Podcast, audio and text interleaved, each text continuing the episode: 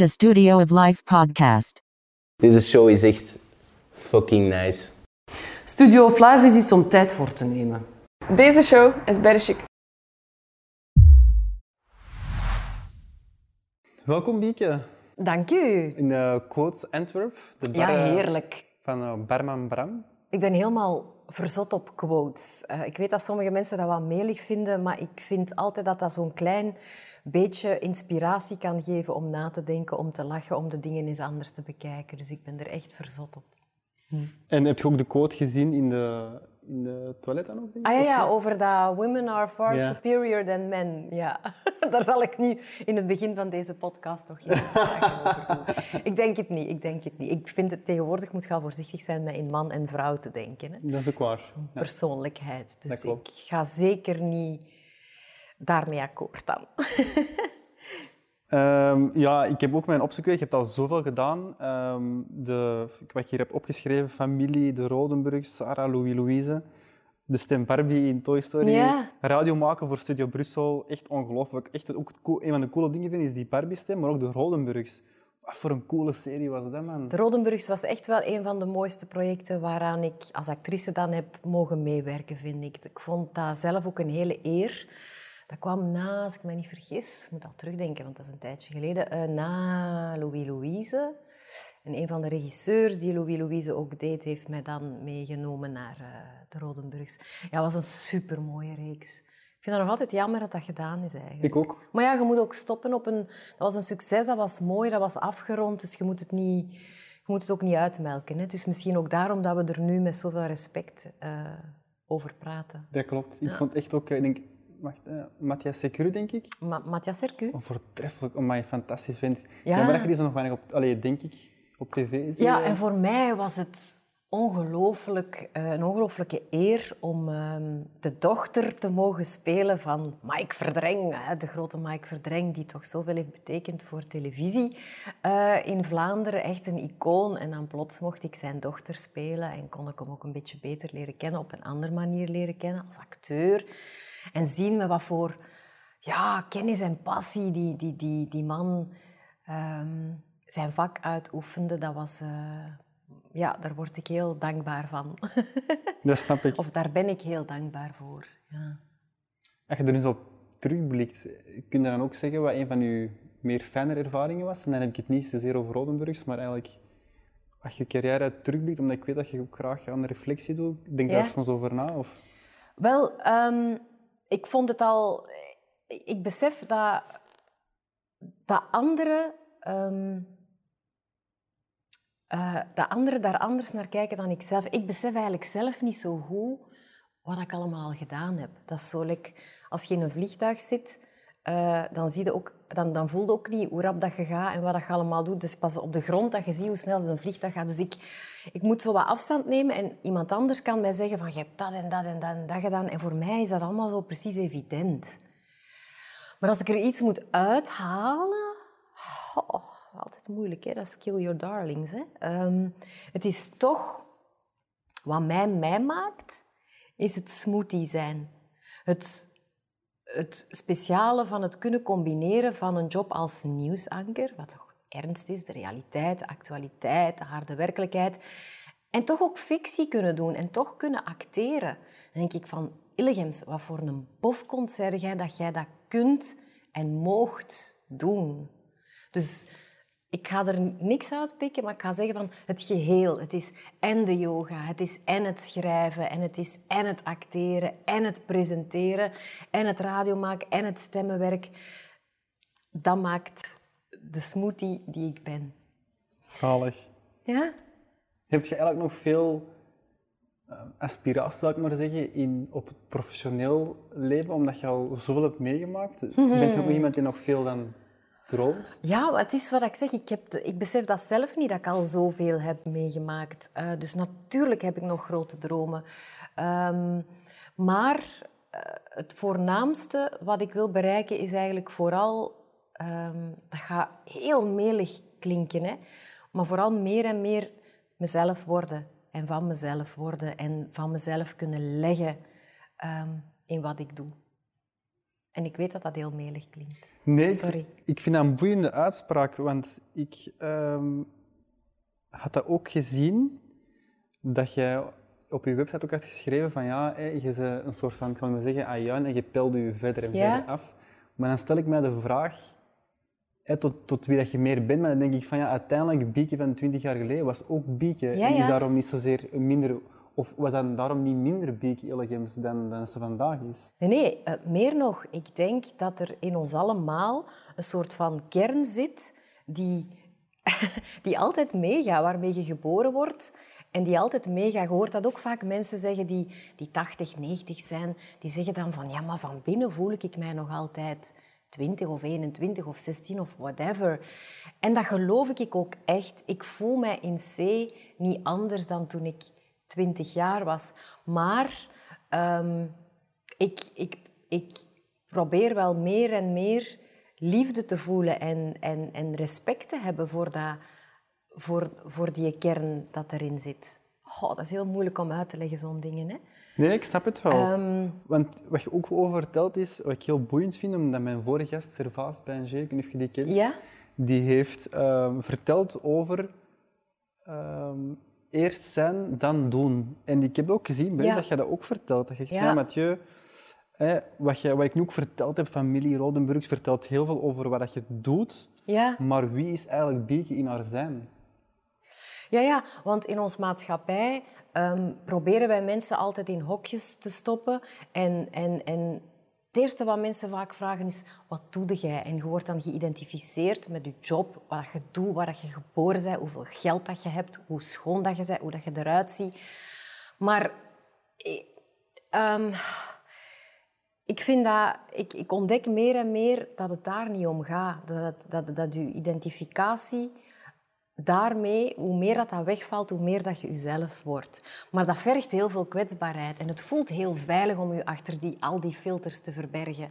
Eh, maar, maar ik vind het net boeiend om te ontdekken wat zit daaronder en wat, wat is die kern die, die achter al die laagjes en achter al die etiketjes zit. En dat vind ik ook boeiend om aan andere mensen te ontdekken. vind ik ook boeiend aan jouw podcast. Dat jij dat probeert te doen van, kijk, of je nu psychiater bent, of je bent voetballer, of je bent politicus, of, eh, of je bent iemand die voor de rechten van vrouwen en van kwetsbaren opkomt. Eigenlijk zijn wij allemaal in onze kern hetzelfde en willen wij allemaal dezelfde dingen. Willen wij eh, een liefdevol leven, willen wij, willen wij eh, ons geliefd voelen, willen wij ons gekoesterd voelen. En dat vind ik super schoon om, om, om te ontdekken. Dat, dat als al die lagen wegvallen, dat daar we are all one. Het is dat je dat zegt, die quote, we're all one, want ik heb zelf op mijn website van Studio Life heb ik drie ehm waardes. Dat is human, helpful en holistic. En één daarvan staat ook die quote van we're all one bij. Dat is heel Ja. eh, straf dat je dat nu aanhaalt. Ja, ja ik Maar- kan zelfs nog Ja. verder daarin gaan en dat, die, die eenheid ook voelen in... ehm, nu gaan ze me echt zot verklaren.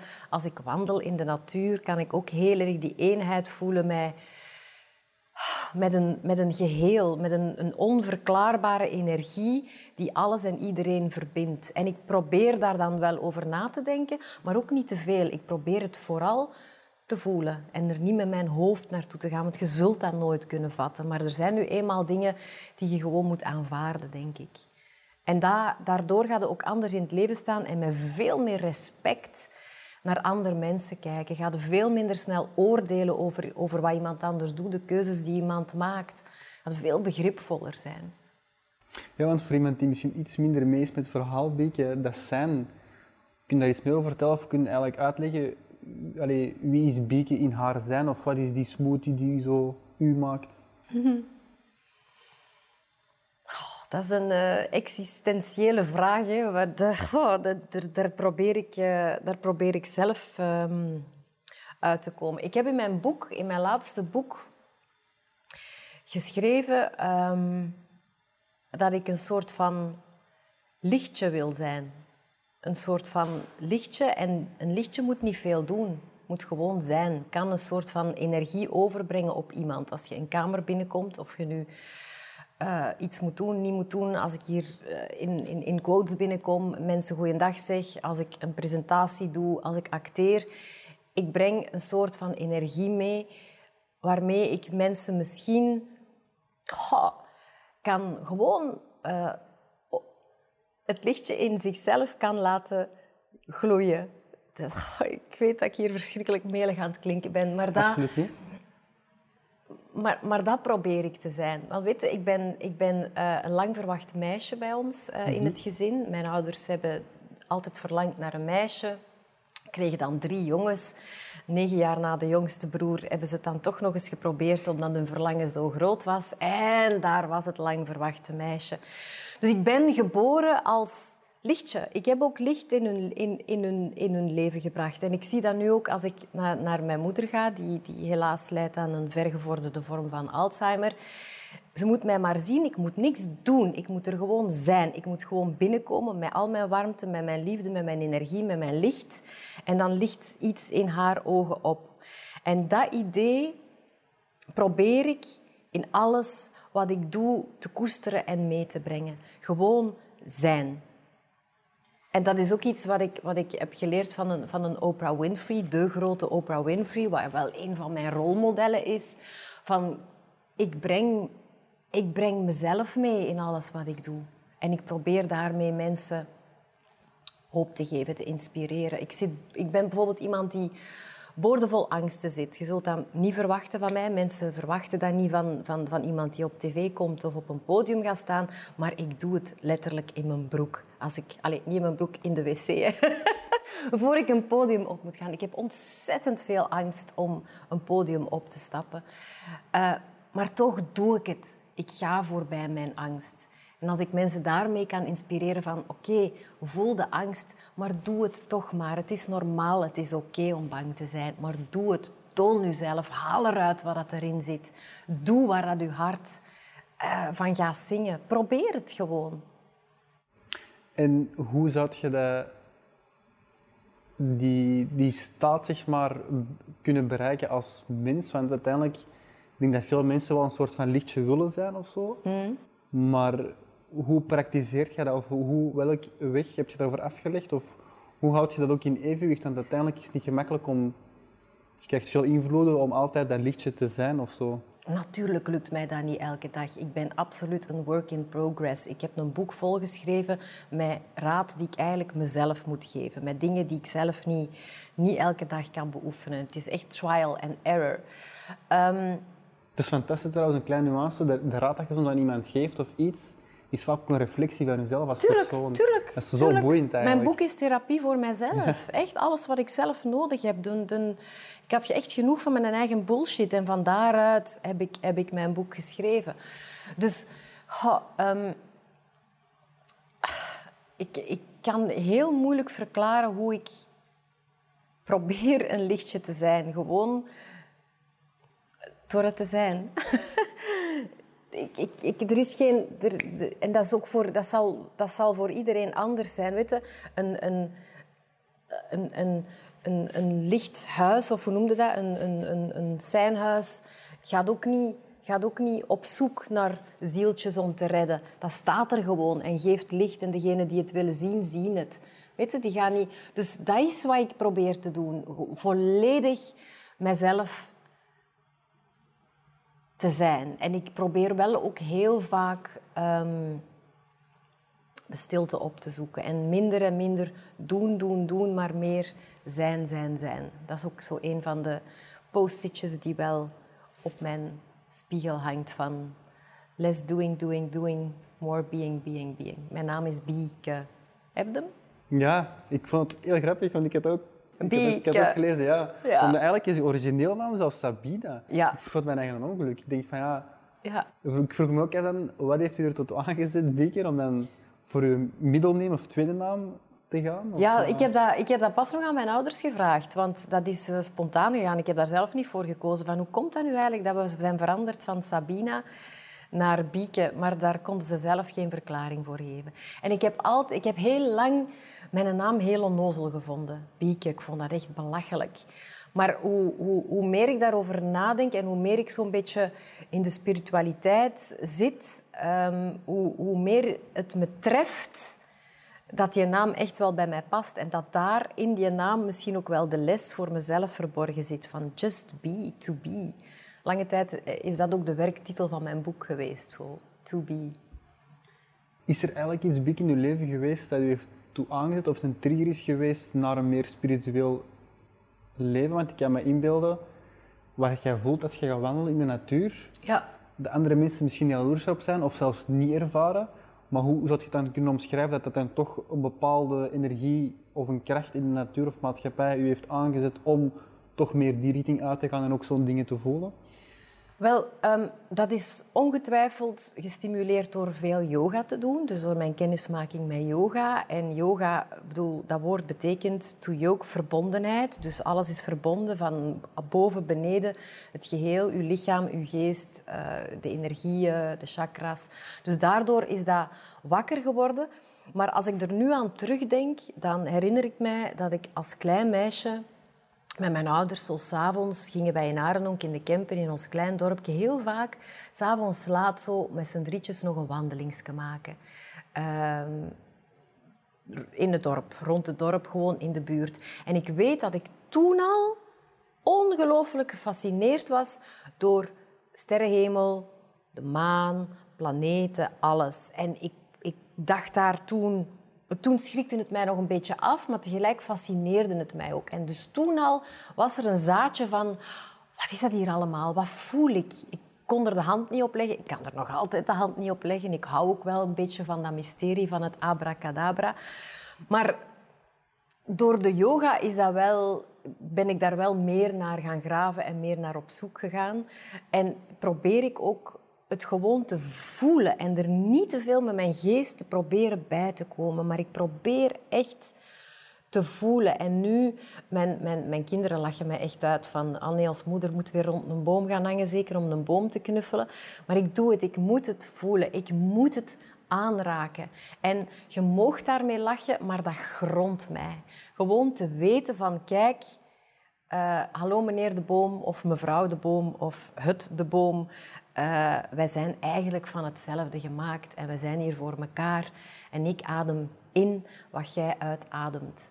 En dat vind ik magisch. Ja, dat is grappig van, van, van die boom, want uiteindelijk... Ik heb het ook al eens een paar keer gedaan, ook met een vriend. En uiteindelijk, dat is, ik vind dat niet zo, helemaal niet absurd wat je zegt, in tegendeel zelfs. Want dat je gewoon nog maar je hand legt op een boom en je voelt gewoon, en je probeert gewoon even vijf minuten te voelen, dan voelt je ook gewoon die energiestromen, vind ik. Ja? Dus dat is eigenlijk helemaal ook niet zo absurd, want uiteindelijk alles bestaat uit energie, wat je hier ziet. Ja. En alles bestaat uit... Dus uiteindelijk is dat niet zo... Allee, dat is niet onoverkomelijk. Nee, Ik denk dat wij gewoon misschien als maatschappij misschien iets te... Allee, soms te, te, te narrow, te eng of zo zijn opgevoed Ja, geweest alles is energie. En ik wil zeker niet Einstein misbruiken, want die wordt heel vaak blijkbaar foutief gequote. eh, nu we toch in quote zitten. eh, foutief gequote en ook misbruikt door spirituele woe-woe eh, talks. Eh, Maar natuurlijk, feit is wel, wat je zegt, alles is energie. En ook van, het, van, van de kosmos, van het heelal.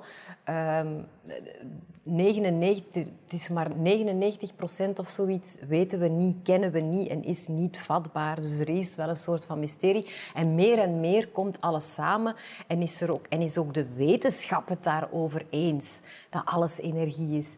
Dus natuurlijk is het niet onnozel dat, dat wij voelen wat aan een boom dat, dat dat iets met ons doet. Alleen, het is niet omdat je het niet kunt verklaren dat het er niet is. En dat is, dan mag ik toch even Einstein gebruiken of misbruiken. Einstein zei ook, ik moet niet alles weten, ik kan het wel voelen. Het is niet omdat ik het niet kan verklaren, dat ik het niet voel en dat het er dus niet is. Ja, dat klopt. Ik denk dat het ook misschien een beetje samenhangt aan zo het no-label vooral, of wat jij zegt, geen hokjes mentaliteit. Omdat je uiteindelijk, je zegt ook van ja, dat zegt niks over wie dat je bent, maar over wat dat je doet. En ik ervaar ook vaak dat eigenlijk mensen ook labels op mij willen plakken of een bepaalde identiteit. En dat mensen die ook achter een bepaalde identiteit willen steken. En ik denk dat het ook misschien komt, dat is ook een vraag aan u. Hoe komt het dat mensen die daar zo aan vasthangen? Want uiteindelijk, sommige mensen willen het leven ook snappen. Ik heb ook wel een tijd gewild. Maar is dat omdat wij een soort van controle kunnen hebben, zodat we het kunnen vatten? Of waarom willen mensen dingen tastbaar maken, terwijl dat niet alles tastbaar is? Snap? Het leven is niet zwart-wit, maar grijs eigenlijk. Oh, eh, ja, Dus misschien kort samengevat, de vraag is eigenlijk, waarom moeten mensen ons in een, allee, willen sommige mensen in andere mensen in een hokje plaatsen? En ik denk dat dat komt omdat dan, ja, mensen ja, bepaalde... dat is controle, omdat je Omdat wil je maken of zo? ja, natuurlijk, omdat je anders... Anders is het, is het ook niet leefbaar. Ik, ik oordeel daar ook niet over, want ik doe dat zelf ook. Hè. Ik heb ook aan u gevraagd van, wat doe je eigenlijk professioneel? Dat is gewoon om, om een soort, ja, in uw hoofd een soort beeld van iemand te schetsen. Maar ik besef heel goed dat dat mijn perceptie is en dat dat niet is wie dat jij zij. Maar je moet nu eenmaal, als ik mijzelf moet voorstellen, dan zeg ik ook niet van hallo, ik ben Bieke en ik ben een smoothie, hè, want dan snappen de mensen er niks van. Dan zeg ik ook wel van ja, kijk, ik, ik, ik presenteer op het nieuws, ik heb nu een boek geschreven, ik ben veel met yoga bezig. Dat zal ik zeggen. En ik ben mama. Hè, dat zijn toch, toch de dingen die voor jezelf belangrijk zijn, waar, waarin dat je jezelf ja, in een soort van kader kunt plaatsen. Dat moet, omdat je anders niet kunt leven. Dat is om het gewoon makkelijker en, en, en hanteerbaar te maken. Je kunt moeilijk... Want ook elke dag voelt je wel een beetje anders. Dus je kunt moeilijk iedereen dat je tegenkomt eh, beginnen te zeggen van vandaag ben ik dit en morgen ben ik dat. Dat gaat ook niet, hè. Klopt. Nee. Ehm, en, en je doet dat zelf ook wel. Allee, je vergelijkt jezelf vaak eh, met anderen. Daar, daar betrap ik mezelf wel op. En je gaat jezelf dan ook makkelijk in zo'n soort van rangorde plaatsen ten opzichte van andere mensen. En dat is een gevaarlijk spelletje. Klopt, zeker. Wat ik ook net ehm, opgemerkt is, je, zei, je hebt ooit verteld dat Jan Verheijen tegen u zei van ja, Ja. je kunt niet meerdere dingen tegelijk goed doen. Ehm, en jij vindt hè, dat er geen limiet is op potentie, wel op tijd, waar ik ook helemaal eh, mee Ja. akkoord ga. Ehm, dan vraag ik me ook af, denkt je eigenlijk ook soms na over, dan, over die tijd, over de eindigheid van het leven? Ja. Ja, ja, ja. Ehm, zoals veel mensen beangstigt mij dat ongelooflijk, want ik kan het idee van niet zijn niet vatten. Kunnen dat niet vatten. Ehm, dus, en, ik, en ik leef supergraag. Dus ik zou liefst zo lang mogelijk in, in, in deze vorm en in goede staat eh, leven. Ehm, maar ik ben ook 50 geworden, dus dan ga je daar ook al eens wat meer over nadenken. Dat je denkt van ja, ik zit gegarandeerd over de helft. Ehm, dus nu, in, in, in de stukjes die mij nog resten, probeer ik mij elke dag heel bewust te zijn van ehm, de indruk die ik achterlaat op mensen. En dat heeft niks met imagebuilding te maken. Hè. Dat is niet van, ik wil, als ik, als ik hier wegga, dat jij mij een keitoffe vindt en, en, en geweldig. En dat niet, hè. Ehm, maar ik wil zeggen van... Ik verwijs eigenlijk naar een quote van Maya Angelou. Die, die zegt van mensen... ehm, People will forget what you said, people will forget what you did, but people will never forget how you made them feel. En dat probeer ik. Ik probeer mensen... Ah, ik probeer een soort sprankel. Dat, dat, dat, dat refereert weer naar dat lichtje van... Maar ik probeer ja, een goed gevoel achter te laten en, en, en bij mensen. En, en, en bij mensen achter te laten van... Jij kunt ook alles eruit halen uit het leven. Jij, jij bent ook de moeite waard om er te zijn. Ehm, dat is, als ik aan eindigheid denk, denk ik van, kijk, dan is het niet eindig. En dat is een cliché, ook cliché van, zolang mensen nog aan u denken en de manier waarop mensen aan u denken, blijft je ook leven. Maar dat is wel waar. Dat is wel waar. En dan hoop ik maar, als ik er straks niet meer ben, dat mensen niet denken aan eh, eh, de kleren die ik aan had of hoe dat ik eruit zag, maar hoe ik hen, welk gevoel ik hen gaf. Of geef. Denk je dan ook soms na wat er gaat gebeuren nadat je gestorven bent? Of, of geloof je daar niet, niet in dat er nog Ah iets... ja, dat er nog iets is. Dat er nog iets is, ja. Maar ik vond ook wel een mooie quote, daar ga ik even nog tussen zitten, Ja? van Dirk de Wachter, omdat je ook uit zijn Ja. beluisterd. Die zei ook van ja, eh, ik vond wel een mooie nog, de zin van het leven zit hem eigenlijk in de Ja, eindigheid. ja, ja.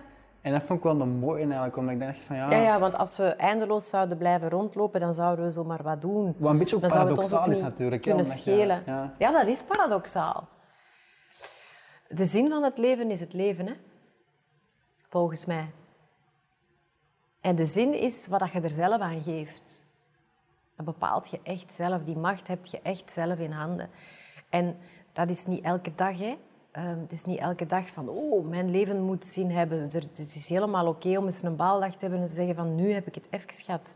Fuck it, baaldag. Oké om niet oké te zijn. Eh, maar dat is niet uw vraag. Ja, ja, is er iets erna? Ja, want in die eh, veronderstelling dat je zegt van ja, eh, je, je hebt zelf de macht om iets van je leven te maken, en dan denk ik soms, nou, dat is een beetje soms hoopvol, maar denk ik van ja, als je met je gedachten soms eh, kunt omzetten in bepaalde acties, dat tot tot bepaalde dingen leiden, dan denk ik soms van ja, wat als je nu een bepaald beeld hebt over het leven na de dood, dat dat er zo uitziet en omdat je dat denkt dat dat effectief ook zo gaat gebeuren. Snap je een beetje waar ik naartoe wil gaan of niet? Ja, ja dat is manifestatie. Hè. Dat is, eh, dat is eh, eerst het, het dromen en dan zal het ook waar worden. Hè. Dat is de kracht van het denken, de kracht van je gedachten. Die, eh, ja, dat is epigenetics. Hè. Dat is zo'n beetje Joe. Dispenza zijn. En ik vind Ja. dat ontzettend boeiend en ik wil daar zo graag in geloven. Bij mij ook. Ik wil daar heel graag in geloven, maar ik denk, ik denk dat het misschien ook wel wat naïef is, alhoewel ik ook wel kan geloven, kan, kan versteld staan van synchronicity, van bepaalde dingen dat je zegt van, allee, nu was ik daar juist aan aan het denken en ik was bijvoorbeeld... ehm, gisteren was ik aan het, aan het medi- mediteren. Ik was zo aan het deelnemen aan een manifestation challenge van ehm, Gabrielle Bernstein. En eh, het ging over... oh, waarover ging het nu? Het ging over zo'n soort steunvragen aan spirit guides. En dat is voor mij al heel ver, want het gaat hier over leven en na de dood eventueel. En zijn er spirit guides? I don't know. Ik weet het niet. Ik vind het een heel creepy idee dat ons bomma hier nu naast mij zou zitten of zo. Ik weet het niet. In ieder geval, maar ik ging helemaal mee in die meditatie. En ik vroeg zo aan die spirit guides wat inspiratie. En daarna was er een journaling oefening. En je moest opschrijven waarin dat je graag eh, gesteund zou worden. En ik was aan het opschrijven dat ik droomde van, ehm, van, van mijn boek en van echt... eh, ik, ik zit in een soort internationale vrouwengroep eh, die samenkomt en zo. En dat is allemaal in Cool. het Engels. Voilà, GIFU. Echt super, super interessant. Ik zal daar nog wel wat meer over vertellen. En die vrouwen zijn mijn kop zot aan het maken om mijn boek te vertalen in het Engels. En ik zei, ja, maar wie ben ik? Ja, Zo'n klein bieken uit de Kempen. Van wie ben ik om mijn klein. Vlaams boekje dat hier misschien een paar honderd exemplaren verkoopt, om dan te dromen, te durven dromen van een Engelse vertaling. Maar die madammen zijn mijn kop zot aan het maken van why not and think big and we would buy it and you manifest it. You think about it, you dream it and then you manifest it. En ehm, ik hoop dat uw podcastluisteraars af en toe ook een beetje Engels verstaan. Dus ik was daar toch over aan het dromen. Ik stond mijzelf toe op te schrijven van oh, ik droom van een Engelse vertaling en dat dat dan groot wordt en dat ik veel mensen kan, kan inspireren, kan raken, kan, kan, ja, kan, doen, kan doen dromen om hun eigen leven te verbeteren en hun volle potentieel te benutten. Ik ben dat aan het doen. Ik doe mijn journal dicht. Ik doe mijn mail open en ik heb een berichtje van mijn uitgever, mijn Vlaamse uitgeefster Els, die zegt van kijk, je staat op 15 in de Vlaamse top van de standaard boekhandel. Ik dacht van no shit. Dan denk ik, ja, dat is waarschijnlijk een ongelooflijk toeval, maar toch is er dan een stemmetje in mij dat zegt van "Ah, is dat dan toch ergens iets dat, dat waar maakt? Ik kon dat bijna niet geloven. Dat is toch straf? Dat is toch straf? Nu zijn ze sprakeloos. Ja, en ik ben benieuwd of je het gaat doen ook. Ga het vertalen of niet? ja, ja, het is, ik laat het eventjes bezinken. En dat is natuurlijk... En nu, ik heb mijn uitgever er zelfs nog niet over aangesproken, want zij hebben de rechten, dat gaat zo. Een uitgeverij, Vlaamse rechten. Maar ik heb denk ik wel, hey, door mijn GIFU connection, eh, ik heb wel een Engelstalig publiek, dus who knows. En daar... Hier is mijn, als we het dan toch over etiketjes en hokjes hebben, hier is mijn naam het feit, Bieke Illegems, actrice uit en al die etiketjes die je op mij kunt plakken, ehm, is mijn naam zowel een katalysator als een rem. En als ik ergens in een Engels taalgebied een boek uitbreng, Fucking Perfect Inspiration for a Full Life of hè, bla bla bla, wie ben ik? Dan ben ik niemand. Dan ben ik gewoon iemand die een boek uitbrengt dat misschien, misschien iemand raakt. Dus ik ben wel heel benieuwd wat dat zou doen met mij Ah, zo. Ja, ook. Ja het, het- Het is een zot idee. Ja. Ik laat het los in de wereld. Ik heb het hier nu eh, in de wereld losgelaten en we zien wel wat het wordt. Ik heb ook geleerd om dingen niet te forceren. Je moet natuurlijk stappen zetten om, om, om dingen te kunnen waarmaken, maar soms moet je ook even ermee zitten. Sit with it. En, eh, en het laten, het, het, het, de wens uitspreken en dan u niet vastklampen aan een uitkomst. Vind ik heel belangrijk, want vaak zit je in je eigen weg. Want ik Zeer met mooi. mijn gedachten, ik kan dat wel denken, maar tegelijkertijd zegt een, een, een, stemmetje in mij van Allee, Illigems, denkt jij nu echt, onnozel Trien, dat jij in, in, in Amerika zou kunnen eh, scoren, dat er één iemand geïnteresseerd is in wat dat jij... Dus dat stemmetje zit daar al en ik ben dat aan het tegenhouden. Het is houd u kriek, hè. Ik ben dat al aan het tegenhouden met mijn eigen gedachten. En dat probeer ik nu los te laten. Van oké, het is daar en we zien wel. En als de tijd komt en als het meant to be is, dan zal er wel iets gebeuren, een trigger zijn waarvoor ik denk, oké, daar spring ik op.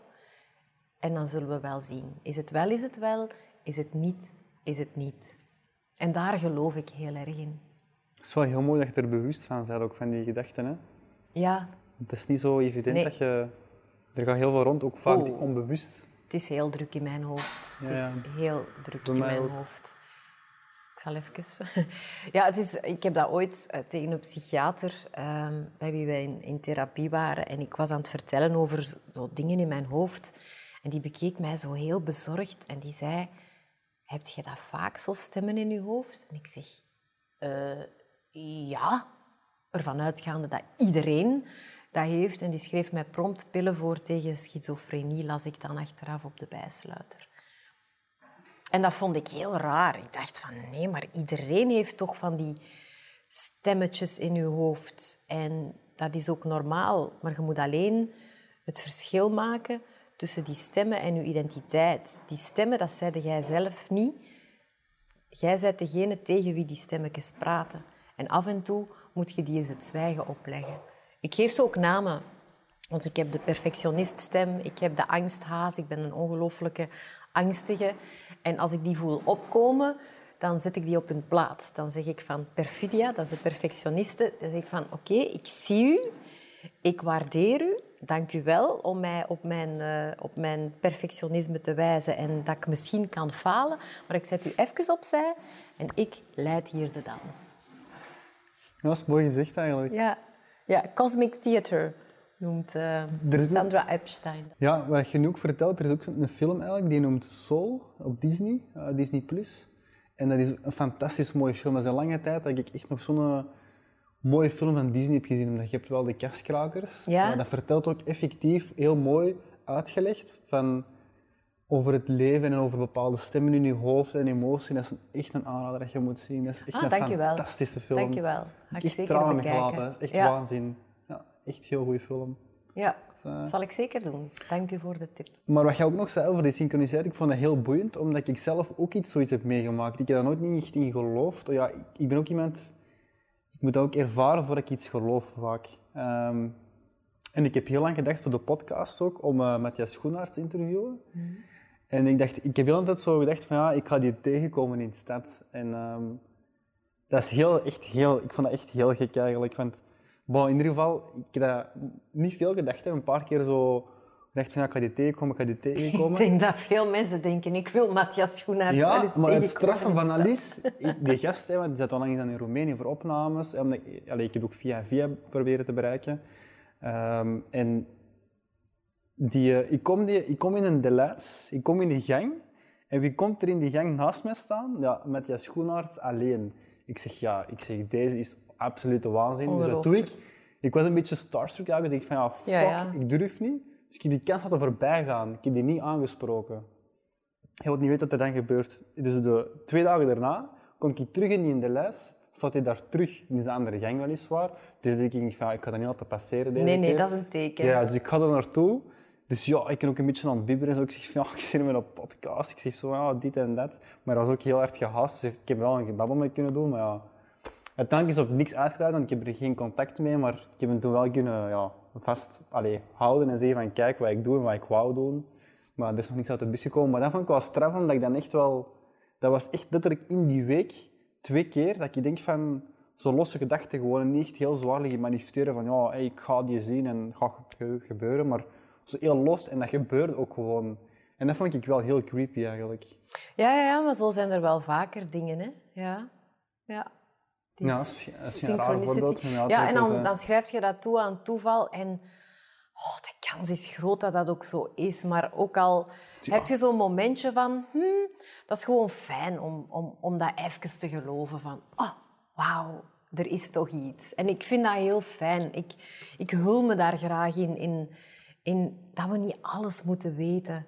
Dat er een mysterie is, dat er een, een soort abracadabra is. Ik heb dat ook met de maan bijvoorbeeld. Gisteren was het volle maan en ik doe sinds kort samen met eh, een van mijn yoga-vriendinnen, eh, ik noem ze eh, mijn heksenvriendin, eh volle maanceremonies. En je moet je daar niet te veel bij voorstellen, maar dat is, ja, dat is gewoon een momentje om één keer in de maand stil te staan bij wat dat je wilt loslaten en wat dat je, ja, wat dat je wilt manifesteren, waar dat je graag meer van wilt zien in je leven. En dan ga je daar ook wel naartoe leven. Ehm, en dat gaat gepaard met wat yoga, wat meditatie. We, we verbranden zo wat kruiden. En, en dan schrijven we echt op een briefje eh, waar we graag meer van willen.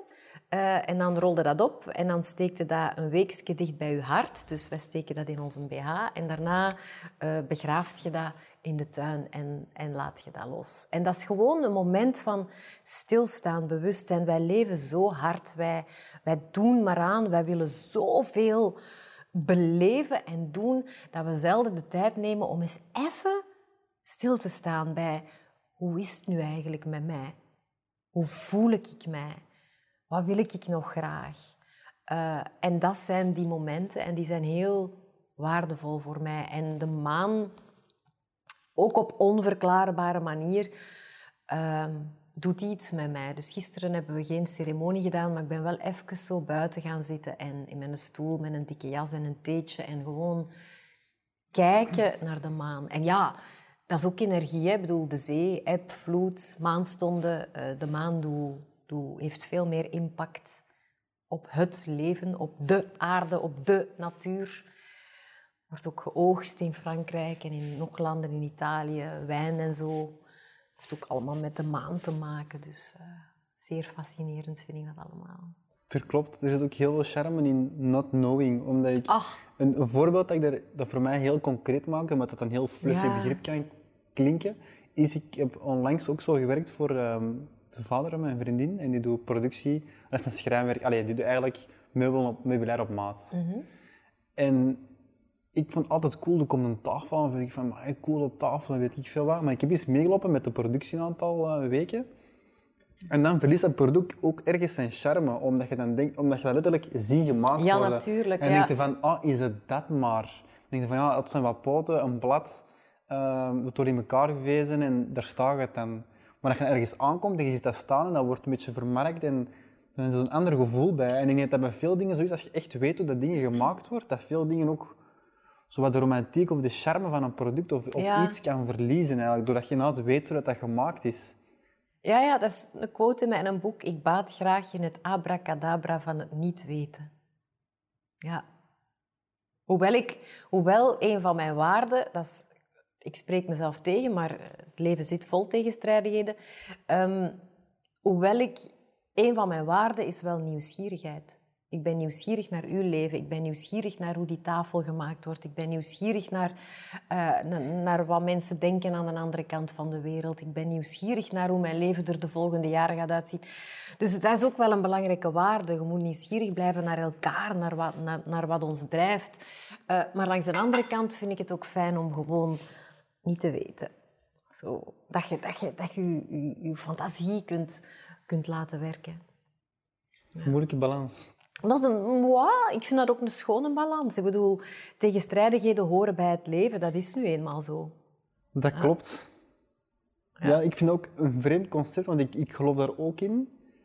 Maar dan denk ik van ja, je, je vertelt ook soms van ja, je, je moet trouw zijn aan jezelf of ik ben een constant work in progress. Maar langs de ene kant denk ik ook, ook op mezelf, op mijn eigen leven. Van ja, je hebt dan enerzijds zo die paradox van die tegenstrijdigheden, maar je moet toch ergens trouw blijven aan jezelf. En dan denk ik soms van, dat maakt het ook allemaal zo complex soms, snap je? Omdat Ja, je denkt ja, van ja. ik ga ook mee in het verhaal, wij zijn allemaal fouten vol tegenstrijdigheden. Maar dan denk ik van ja, ja, dat is, ja ik vind het is gewoon moeilijk om zoiets, om zoiets, om zoiets te verklaren of zo. Ja, Dus- dat kun je niet. Het is ook, allee, het is ook de balans tussen actie en reactie. Hè? Want, want het, het is, ik vind het superbelangrijk om, om regelmatig te pauzeren en stil te zijn en niks te doen en te wachten voordat je reageert eh, of actie onderneemt. Maar langs de andere kant moeten ook wel acties ondernemen, want anders gebeurt er niks. Dus dat is, is een voortdurende dynamiek tussen terugtrekken en actie ondernemen. Terugtrekken en actie ondernemen. Maar zo tegenstrijdig is dat niet, want alles in de natuur is ook een, een combinatie van actie ja, In de winter, de natuur heeft tijd nodig om, moet sterven, moet rusten, moet niks doen, moet pauze, moet bevriezen. En dan kan er weer gegroeid worden, dan moet er weer gewerkt worden, dan moet er weer van alles sappen stromen en, en, en chemische processen in gang gezet worden van fotosynthese en whatever. Dus alles in de natuur eh, is, is, is een combinatie van die, die dynamiek. Een, een, een leeuw, een tijger, die slapen veel. Die hebben rust nodig, slaap nodig, niks doen, pauze. Not available. Out of office. Om daarna vol een bak te kunnen gaan. Ja. Ja, ik, ik, ik strul daar ook vaak mee. Ik heb die vraag al aan veel mensen gesteld, maar ik ga die ook stellen. Uiteindelijk, jij zegt, eh, je spreekt ook van ayaan en afpellen en een kern hebben. Ja. Maar dan vraag ik me ook af, omdat ik heel sterk geloof in, je, je wordt zeker in het begin van je jonge jaren gevormd door omgeving. Ja, ja, ja. Door, nee, nee, wacht, ik ga me even nog nuanceren, maar door dingen. En dan vraag ik me eigenlijk af, eh, je evolueert zeg maar, als persoon, waardoor dat je soms andere interesses of je interesses terug heruitvindt of vindt of weet ik veel. En dan denk ik van ja, dat is een persona, maar uiteindelijk creëert je wel een bepaalde persoon. En dan vraag ik van ja, hoe echt zijn wij eigenlijk in de, in de zin van, ja, vijf jaar geleden vond je dat tof, of tien jaar geleden vond je dat tof, en nu zit je geëvolueerd, zeg maar. En dan Ja. heb je andere interesses, maar dan denk ik van ja, dat zet jij ook allemaal als persoon, maar dan vraag ik me af van ja, die persona is iets toch... Hoe komt die tot stand, die evolutie? Denk ik van, komt het dan door, door prikkels van je omgeving, van je vrienden, van de maatschappij? Of, want je verandert heel de tijd, maar wie zit er dan echt inderdaad in je kern? En wordt die kern dan niet gevormd door de gedachte dat je zelf geeft dat die kern zou moeten zijn? Dat is worden wie dat je zij of worden wie dat je wilt zijn. Ja, Ja, ja, ik vind dat moeilijk. Dat ja, dat is een heel moeilijke. uit, ja. Ehm, ik geloof heel erg dat, je, dat iedereen wel geboren wordt met een bepaald DNA. Dat je een soort van zieltje bent. Maar dat DNA is al beïnvloed door generaties, generaties, generaties, generaties. Vroeger, dat zit in uw bones, in uw lijf, in uw zijn.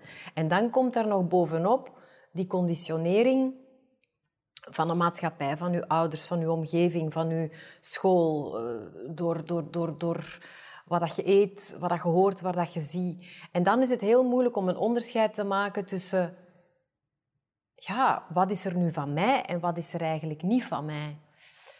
Ehm, ja, dat is echt moeilijk.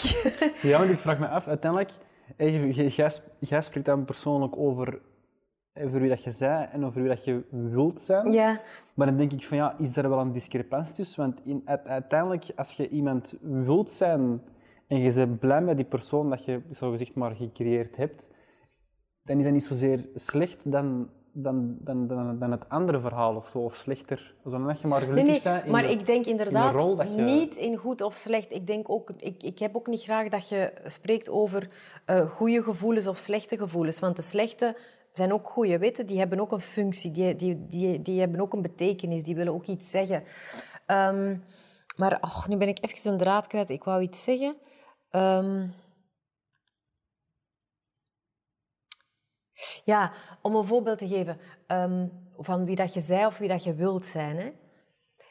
ik ben iemand die geboren is met, ik noem dat zielsangst. Dat zit in, ik voel dat heel duidelijk, dat ik ben een heel angstige persoon, uh, bang van de buitenwereld, bang iets verkeerd te doen, bang van heldhaftige dingen. Ik ben bang om te vliegen, ik ben bang om de telefoon op te nemen, ik ben bang om iemand aan te spreken dat ik niet ken, ik ben bang om dood te gaan, ik ben bang om ziek te worden, ik ben bang om uh, op mijn bek te gaan. Dat zit in mij. En ik voel dat dat van generaties is. Mijn moeder is een ongelooflijke angsthaas en haar moeder wellicht en dat gaat generaties terug. Maar ik wil dat niet zijn. Um, dus ik wil heel graag bold zijn. Ik wil graag um, moed boven angst verkiezen. En ik probeer daaraan te werken en ik probeer mij niet te laten verlammen door mijn angst. Maar als je dan zegt van wie zijde en wie je wilt zijn, ik moet wel erkennen dat dat in mij zit. Het, het is wel, en ik moet dat eigenlijk met een, met een, met een, een, een jasje van liefde omarmen van dat is oké, ik weet wel dat je zo zijt, maar, maar maar je moogt, daar, je, daaraan voorbij gaan. Je moogt soms dingen doen ondanks de angst. En dan klop ik mezelf op de schouder van... Knap van u, want ik weet dat dat eigenlijk heel moeilijk was voor u. Snap je? Ja, wie zijt je dan? Ik, binnen van mij zit die angstige, maar ik ben ook degene die de moed heeft om daaraan voorbij te gaan. Dus ik ben beide. Snapt? Ja, zeker. En dat heeft te maken met wat je dan zegt van... Dat is groeien als mens. Dat is groeien als mens. En dat is consciousness, dat is bewustzijn. Dat is u daarvan bewust zijn. En ik moet dat ook niet wegstoppen. Ik wil daar ook niet meer over oordelen. Ik wil daar niet meer over oordelen. En dat is groei. Dat vind ik groei. En dan kan ik zeggen van... Ah, wel, Eligems, ik ben fier op u. Ja. Ja, ik, het staat er ook op aan wat ik ga zeggen, maar je spreekt ook over, over dat lichtje zijn. Ja. jij bent ook iemand die een bepaalde, ik zal maar zeggen, frequentie ook uitstraalt. Um, en je vertelt ook een aantal dingen waar ik zo 100% op dezelfde lijn mee zit. Maar dan vraag ik me af van ja, zijn er ook mensen die niet meegaan op je frequentie? Uiteraard sowieso wel. En hoe gaat Natuurlijk. je daar dan mee om? Omdat oh, ik had gezien op je... Ja, ik heb ook gezien op je um, website, ik vond het heel cool trouwens, dat je ook had gezegd van ja, ook die mensen die niet meegaan of waar je wat frictie mee hebt gehad, die hebben ook een plaats in je leven gehad. Ja. Weet je, dan zo tussen haakjes op je website heb je zo geschreven van ja, zo weet ze ook meteen welke plaats ze verdienen in mijn leven. Dat vond ik echt hilarisch. ja, um, ja, natuurlijk. En ik vind dat verschrikkelijk, want ik ben een ongelofelijke people pleaser. Um, ik weet dat. Ik wil heel graag dat iedereen mij de mooiste, de beste, de knapste, de tofste, de, de sympathiekste. Ik, ik heb echt niet graag dat mensen slecht over mij denken. Ik kan het niet verdragen.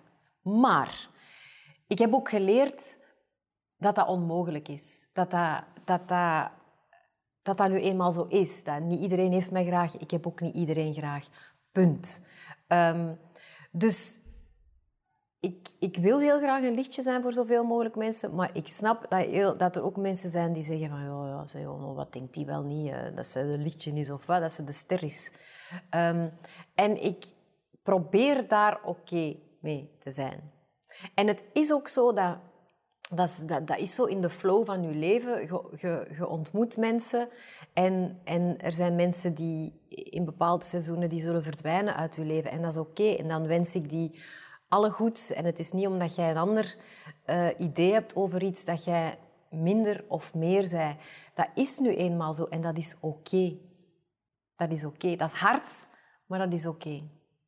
Ja. Allee, dat wil niet zeggen dat ik, als ik op Instagram op een post uh, 100 uh, duimpjes omhoog krijg en één duimpje naar beneden, dan zal ik ook nog altijd het meest wakker liggen van dat, van dat duimpje naar beneden. Maar dat is menselijk. How human of me. Geven mensen uh, een, een, duimpje naar beneden op een YouTube-video? Ja. Tuurlijk gebeurt dat. Ja, tuurlijk gebeurt dat. Ik vind dat soms een boeiend begrip, omdat ik denk van hoe kun je, als dat je niet interesseert of je koud laat, laat dat dan gewoon voor wat het is. Je moet dan toch ook niet de tijd nemen om ja. om een vinger naar beneden te geven. Ik vind dat nee, soms vreemd. Ik, dat... ik leer ook, ik leer wel meer en meer dus mijn, mijn ratio weet wel dat zo'n commentaar, zowel positieve als negatieve, dat dat altijd meer zegt over degene dat dat geeft dan over mij. En ik probeer dan wel te raden gaan bij mij, bij mezelf, van wat is mijn waarheid? Wat, vindt, wat, wat is waar? Eh, en, mij dat, en dan de rest buiten te laten. Maar dat is uiteraard super moeilijk. Hè? Ik reageer ook op, op de buitenwereld vanuit mijn verhaal, vanuit mijn leven. En iedereen heeft een verhaal. En dat probeer ik nu wel te denken. En daar probeer ik ook respect voor te hebben. Hoe probeert je eigenlijk zo die gloed of dat lichtje waar je over spreekt, ehm, hoe probeer je dat in balans te houden? Hoe praktiseer je dat buiten yoga? Hoe probeert je je eigen zo fit mogelijk, zal ik maar Ja. zeggen, mentaal en fysiek Ja. eh, te houden? Ik, ik eh, probeer echt heel bewust, eh, en dat is nog niet zo lang dat ik dat doe, echt elke ochtend ehm, probeer ik te bedenken wat ik die dag voor mezelf ga doen om mijzelf te voeden en om mijzelf te vullen, zodat ik een lichtje kan zijn. Want als je niet geeft aan jezelf, heb je ook niks om te geven aan een ander. En dat klinkt heel selfish, maar dat is superbelangrijk. Als je niet jezelf vult, heb je echt niks om aan een ander te geven. Dus ik probeer elke ochtend ehm, te voelen van, kijk, hoe voel ik mij? Nieuwe dag. Wauw, eh, er is weer een nieuwe dag. Ik heb er weer een gekregen. Als je ouder wordt, wordt dat niet meer evident. Ik heb ook al wel wat mensen die verdwenen zijn. Eh, dus ik probeer daar dankbaar voor te zijn. Ik probeer dat te waarderen. En dan van, oké, wat ga ik vandaag doen waar ik blij van word? En dat kan iets super onnozel zijn als een lekkere bodylotion en even de tijd pakken om, die, eh, om je lijf te voelen en je in te smeren. Dat kan zijn even een geurkaars aansteken. Dat kan eh, vijf minuten op mijn terras gaan zitten eh, en naar de opkomende zon kijken. Dat kan naar de vogeltjes luisteren. Dat hoeft niet veel tijd te vergen. Dat kan zelfs zijn eh, op toilet zitten en vijf bewuste in- en uitademingen nemen om je te gronden, om bij jezelf te komen. Dat. Waar word ik vandaag blij van? Drie dingen. Ik schrijf die op. En s'avonds roep ik mij ter verantwoording. Heb ik het gedaan? Want in de loop van de dag zal u, uw eigen saboteur alles eraan proberen te doen om te zeggen, daar heb je geen tijd voor. zo. Dat is nu, dat gaat nu niet. Eh, dat is niet belangrijk. Dus s'avonds roep ik mij ter verantwoording. Ik kijk, wat heb ik opgeschreven en heb ik dat gedaan of niet? En dat vult u. Dat zijn, het zitten echt in superkleine dingen. En als ik mijzelf niet oplaat, dan kan ik geen lichtje zijn. Ik bedoel, voor onze auto gaan we zorgen. We doen daar benzine in. We gaan regelmatig eens op onderhoud, groot en klein. We gaan naar de carwash. Maar voor onszelf doen we dat niet.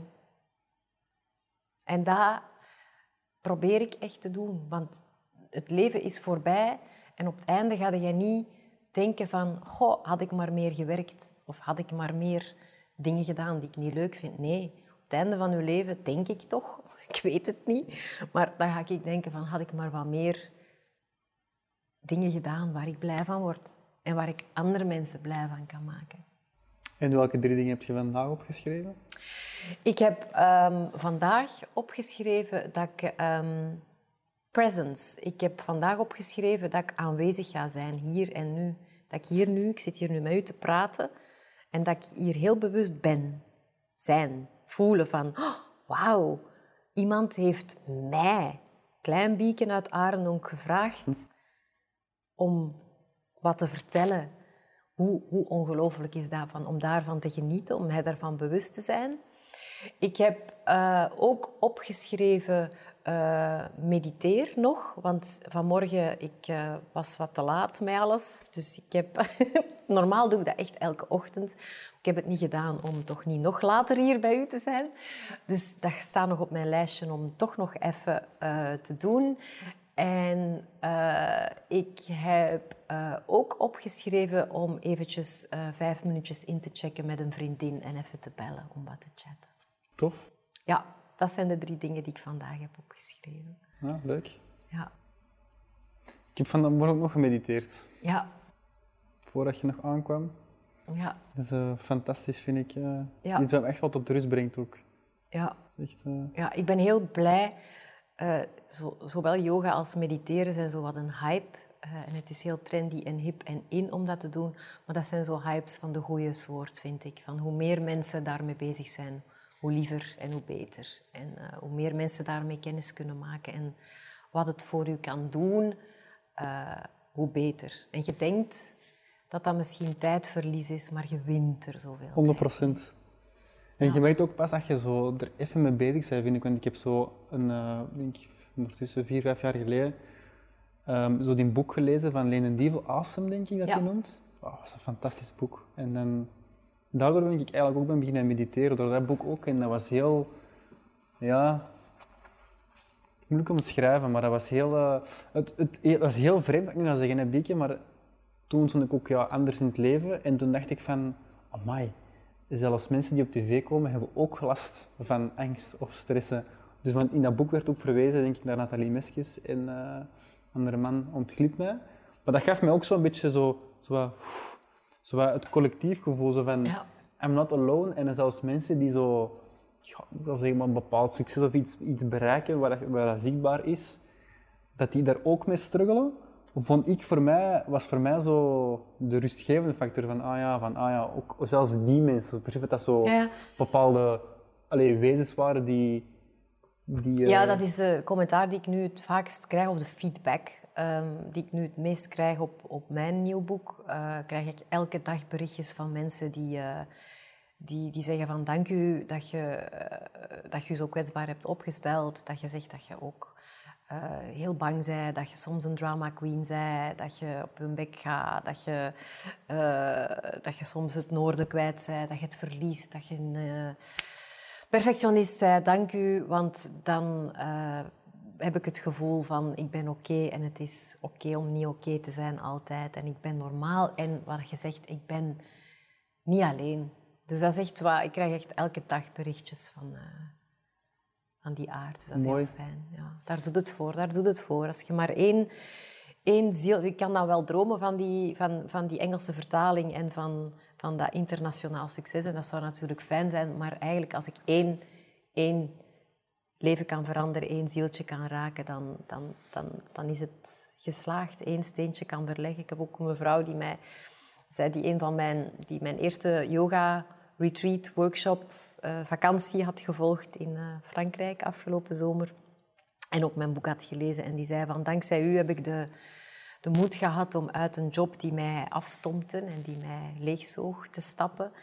En de moed te hebben om, om, om voorbij die angst te gaan en echt te kiezen voor, voor mezelf en voor mijn eigen pad en andere keuzes te maken in mijn leven. Om mijzelf te omarmen, om mijzelf te aanvaarden met al mijn plussen en minnen en al mijn tussenin. En dat heeft me echt doen wenen van wauw, wauw. Het is cool dat je zo'n Ja. impact hebt op een leven. Hè? Ja, Allee, dat is ongelooflijk. Dat is zo schoon. Al is er maar één, echt, dan is het geslaagd. Ja, want wat jij zo zegt van ja, zo één zieltje Ja. te, te touch, allee, zo Ja. aan te raken. Of... Ik heb zo een boek gelezen, ook over epigenetica van Bruce Lipton, The Power of Belief. Yes. En ehm, dat is het eerste boek, want ik heb ook vaak ratio nodig, helaas, terwijl ik heel hard in mijn gevoelen wel sta. Maar die vertelde toen ook over ehm, dat we allemaal cellen zijn eigenlijk, in een, van een groter geheel. En dat je net zoals in een lichaam één cel een andere cel positief kan beïnvloeden. Ja, ja. En dat vond ik nog cool, omdat je dat groter trekt. Als ik een cel ben en jij ook, Bieke, en jij beïnvloedt mij positief, ik ben die boodschap mee, ik spreid die aan de andere mensen, waardoor dat je effectief wel de wereld eh, beter kunt maken. Dat klinkt heel cliché, maar... Nee. En zo zit ook maar dat je ook allemaal verbonden bent. Dat jij dat is de uitstraalt. vortex. Dat is de vortex, ja. En dat is echt de eerste keer dat ik echt dat concept, ook omdat mensen praten over, ja, we zijn allemaal verbonden. Ik dacht van, ja, ik ga er ook allemaal niet mee, maar ik voelde dat ook niet. En dat was het boek dat me ook echt zo, precies zo die rationele omkadering kon geven waar ik naar zocht van, ah ja, we zijn wel allemaal verbonden eigenlijk of zo. Ja, ja, dat is echt het ripple-effect. En dat is wat, dat je, dat is wat dat je zegt van we zijn verbonden. En dat is een, een soort vortex. Wij leven in een maatschappij dat je denkt van als jij succes hebt, dan, dan kan ik het niet hebben. Ehm, En als jij groeit, dan moet ik krimpen. En dat is niet zo. Het tegendeel is waar. Als je elkaar successen viert, dan kun je zelf meegenieten van het succes van een ander. En dan word je zelf mee naar boven getild. Dat wordt ook heel vaak gezegd over vrouwen. Hè? Dat vrouwen kattig zijn, dat er concurrentie is, dat het jij of ik is. En dat voel ik nu heel erg in GIFU. Dat is de Global Institute for Evolving Women. Dat zijn vrouwen overal ter wereld met totaal verschillende achtergronden, die eigenlijk samenkomen om elkaar naar boven te trekken, om lichtjes te schijnen op elkaar. Ik bedoel, het is zij die mij gezegd hebben van... Wij kennen u niet, wij weten niet wie jij bent, maar je verschijnt op mijn zoomscherm en jij zijt een lichtje. Jij straalt iets uit, jij moet niks doen, maar er gewoon zijn maakt mij blij, maakt iets in mij wakker. En als we dat allemaal op elkaar kunnen doen, als we allemaal ons lichtje op elkaar kunnen schijnen, dan zijn we één grote lichtbal en maakt elkaar gewoon groot. En dat vind ik zo schoon. En ik weet dat dat supermelig klinkt en onnozel klinkt, maar het is omdat ik het gevoeld heb en omdat ik het nog elke dag voel met die vrouwen van overal ter wereld, dat ik weet dat het waar is. Ik heb een hoofdstuk in mijn boek geschreven over... Ehm, jaloers. Joepie, ik ben jaloers heet het. Omdat ik um, geschokt was van mezelf toen ik jaren geleden hoorde op de radio dat um, Danira Boekris um, de laatavond talkshow uh, van, van Gils zou opvolgen. En ik begon te wenen. Ik had zoiets van, shit, ik ben kei jaloers. Ik wil dat doen. Ik dacht dat ik dat zou worden. Ja, even daarvoor had ik een gesprek gehad met een eh, programmadirecteur en, en was die bezig geweest over dat hij droomde van een vrouw die de laatavond talkshow op één zou presenteren. En ik had daaruit afgeleid dat ik dat zou worden, maar dat was niet. En Danira ging dat presenteren en ik fuck, ik ben jaloers. En ik ben dan mezelf gaan onderzoeken en ik dacht van, wat, wat betekent die jaloezie? En die jaloezie zag ik dan als een ongelofelijke wegwijzer naar ten eerste waar mijn hart ligt en, en, en ten tweede ook dat, dat ik haar dat moest, moest gunnen, dat dat fantastisch was. Ik ben een ongelooflijke fan van, van Danira. En ze heeft ook mijn boekvoorstelling uh, heeft ze een woordje gedaan. Dus die... Ja, ik ben, jaloezie kan, kan een ongelooflijk geschenk zijn, heb ik daaruit geleerd. Want het is samen dat we het moeten doen en we moeten het niet apart doen. Het is niet omdat zij het doet dat ik het niet... Allez, ja, het is heel moeilijk om uit te leggen, maar ik ben daar heel dankbaar voor. Voor die les die ik toen gekregen heb, voor mezelf. Want kende je toen al Danira op dat moment, dat ze die show kreeg, of nog niet? Jawel, jawel. Want toen Danira in De Slimste Mens zat, uh, kreeg zij heel veel kritiek, omdat zij zo nogal extravert was of is en, en, en, en nogal bold en een winnersmentaliteit had. En daar kreeg ze veel kritiek op, omdat zij, uh, omdat zij zo was. En ik heb haar toen een berichtje gestuurd van you go girl, ik geloof in u, ik vind het fantastisch wat dat je doet. Dat je ook als vrouwen elkaar dingen kunt gunnen. Um, dus, en op die manier hadden wij... Wij kenden elkaar niet, maar we hebben dan zo wel wat berichtjes met elkaar uitgewisseld van, van, van wederzijds respect. Ja. Ja, want inderdaad, een van uw idolen, ik heb de rest ook al aangehaald, was Oprah. Mm. En ik hoor nu ook over die talkshow. Is dat ook iets waar je jezelf ziet doen, dat je denkt van ja, ik wil ooit een talkshow à la Oprah of Ellen DeGeneres of weet ik veel wie, hoe? Ja, ja, uh, tuurlijk. Tuurlijk is dat een, is dat een droom en, en zou, ik dat, zou ik dat heel graag doen. Uh, maar als ik dan ga onderzoeken waarom ik dat wil doen, dan is dat eigenlijk om, om mensen te raken. En dan denk ik van op mijn misschien kleinere manier kan ik dat nu ook al doen. Elke dag. Ik kan dat doen door um, aan de kassa in de supermarkt een geïnteresseerd en oprecht nieuwsgierig praatje te slaan met de madame achter de kassa. En dat doe ik ook. En zo kan ik ook mensen raken. Dus dan heb ik die talkshow niet nodig. Wat niet wil zeggen dat ik dat niet graag zou doen. Ik zou dat heel graag doen. Um, maar, maar op die manier probeer ik eigenlijk nu al te voelen welk gevoel ik zou willen hebben als ik die talkshow heb. Snapte? Ja, dat te manifesteren, hè? absoluut. Ja, ja, ja. Dus ik probeer eigenlijk, probeer eigenlijk nu al dat gevoel op te wekken wat er achter al die verlangens zit. En dat is manifesteren. Klopt, zeker. Dat is van, als ik, eh, ik kan ook zo naar podcasts luisteren en doen mensen mij dromen. Maar ik zou dat ook willen doen. En dan denk ik, ja, maar waarom zou ik dat willen doen? Omdat ik mij vervuld wil voelen, omdat ik vrijheid wil voelen, omdat ik eh, inspiratie wil voelen. En dan denk ik, ah, jullie gems, probeer dat gevoel dan nu al in je lijf op te wekken. En dan heb je het. Dan is het. Want, want wat is het anders? Dus die droom is er sowieso, maar ik probeer nu al ja, het te realiseren en het gevoel dat ik daarbij zou hebben te, Ja. op te wekken. Wat niet elke dag lukt. Hè. Dat snap ik. Als je ooit een mannelijke helft zoekt voor die talkshow, dan eh, weet mij te vinden. Hè? Is goed. Eh, een ander invloed van je leven, eh Beacon, is ook Glennon Doyle, zeg Ja. ik. Ehm, wat ik er heel... Ik haal ook altijd stukjes eruit dat mij ook aanspreken. En er staat ook bij van ja... Of je vertelt toch van u te herkennen in het absoluut niet sociaal te zijn. Och, En ik denk van... ehm, eh, ja, er stond ook bij die vraag nu, is dat niet paradoxaal? Maar ja, we hebben het er net al over paradoxen gehad. Ehm, en dan vraag ik me af van, ja, het sociaal zijn, valt dan deze podcast er bijvoorbeeld ook onder? Of hoe ziet je dat dan juist? Dat je zo... Ja, absoluut niet sociaal te zijn? Nee. Ik heb heel veel alleen tijd nodig. En ik, ehm, je kunt me geen glo- groter plezier doen dan gewoon opstaan en een huis. Ik zie mijn gezinsleden heel graag, doodgraag, maar het kan zo'n cadeau zijn als ik gewoon het huis een hele dag voor mezelf alleen heb. Om wat te lummelen, om wat te doen, om wat te hangen, om wat te mediteren, om wat yoga te doen, om de afwas te doen, wat te kuisen, wat, whatever. Ik ben heel graag alleen. En als dan de bel gaat, dan kan dat echt een verstoring van mij, dan kan ik echt in paniek slaan. Ik, kan, ik, ik heb mij al verstopt als de bel ging. Als ik dan dacht van ze kunnen mij zien, dan heb ik mij verstopt in een hoekje tot ze weg waren.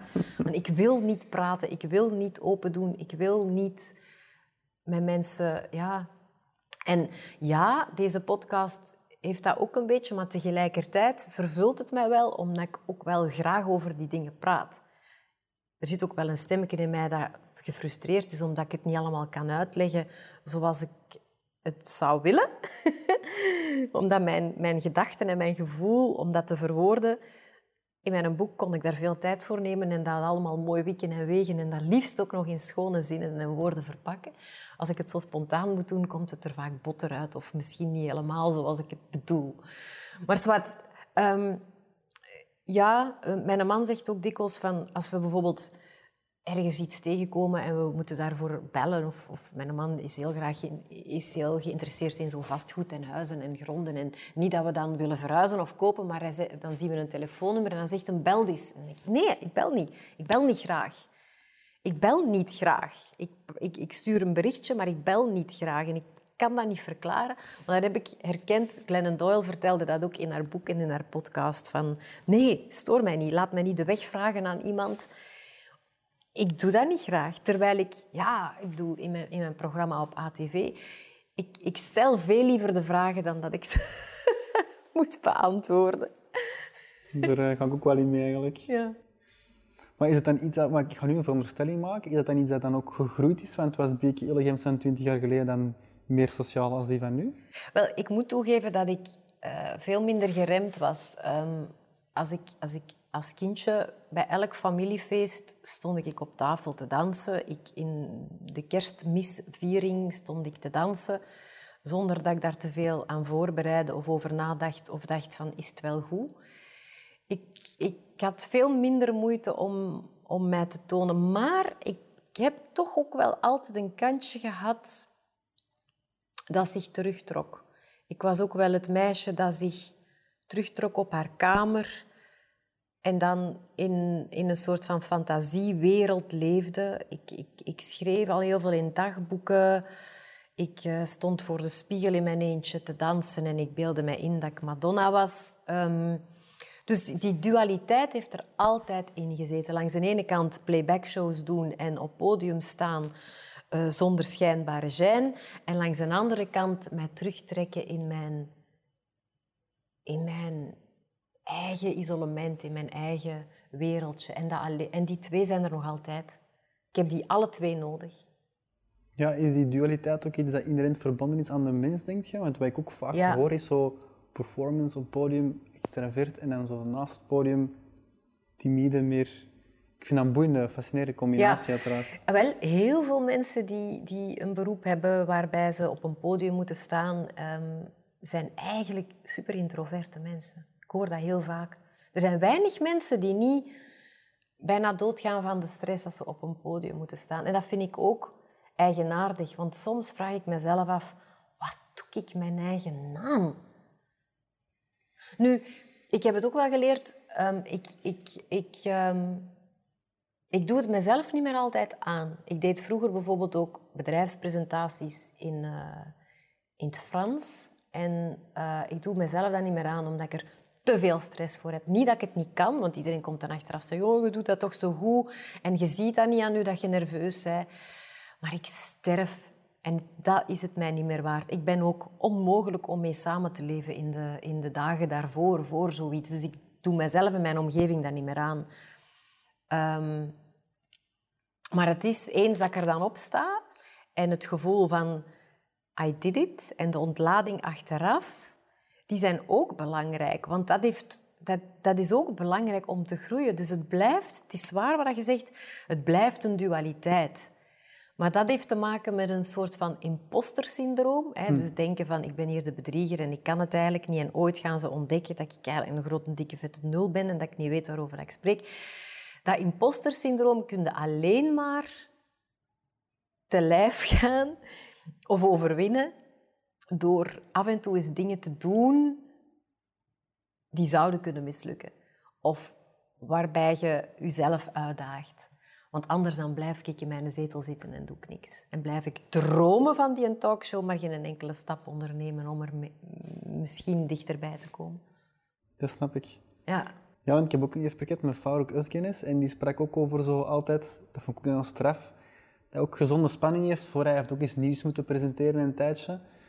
En hij zei van, ja, maar ik heb altijd echt al een gezonde spanning. En hij zei ook, wat is zijn overtuiging, als je dat verliest, zegt hem, dat je dan beter kunt stoppen met hetgeen dat je doet, omdat je dan, Ja. in zijn perspectief, heb je zo wat die gezonde spanning nodig. Hè? Ja, ja, het houdt u scherp en ze zeggen altijd dat je dat nodig hebt. En ik snap dat. En dat is ook wel zo. Maar het is wel een kak-shit gevoel. Het is echt, ik vind het echt pieskakstront.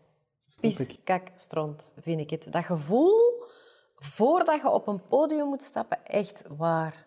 Het is verschrikkelijk. Het is verschrikkelijk. Maar oh, je krijgt er op een of andere manier zal dat dan ook wel een soort van kickgevoel zijn, toch wel iets dat je nodig hebt en dat ik ook nodig heb, dat geef ik toe. Dat geeft dan achteraf ook wel een kick als je het dan toch gedaan hebt. Dat klopt. Ja.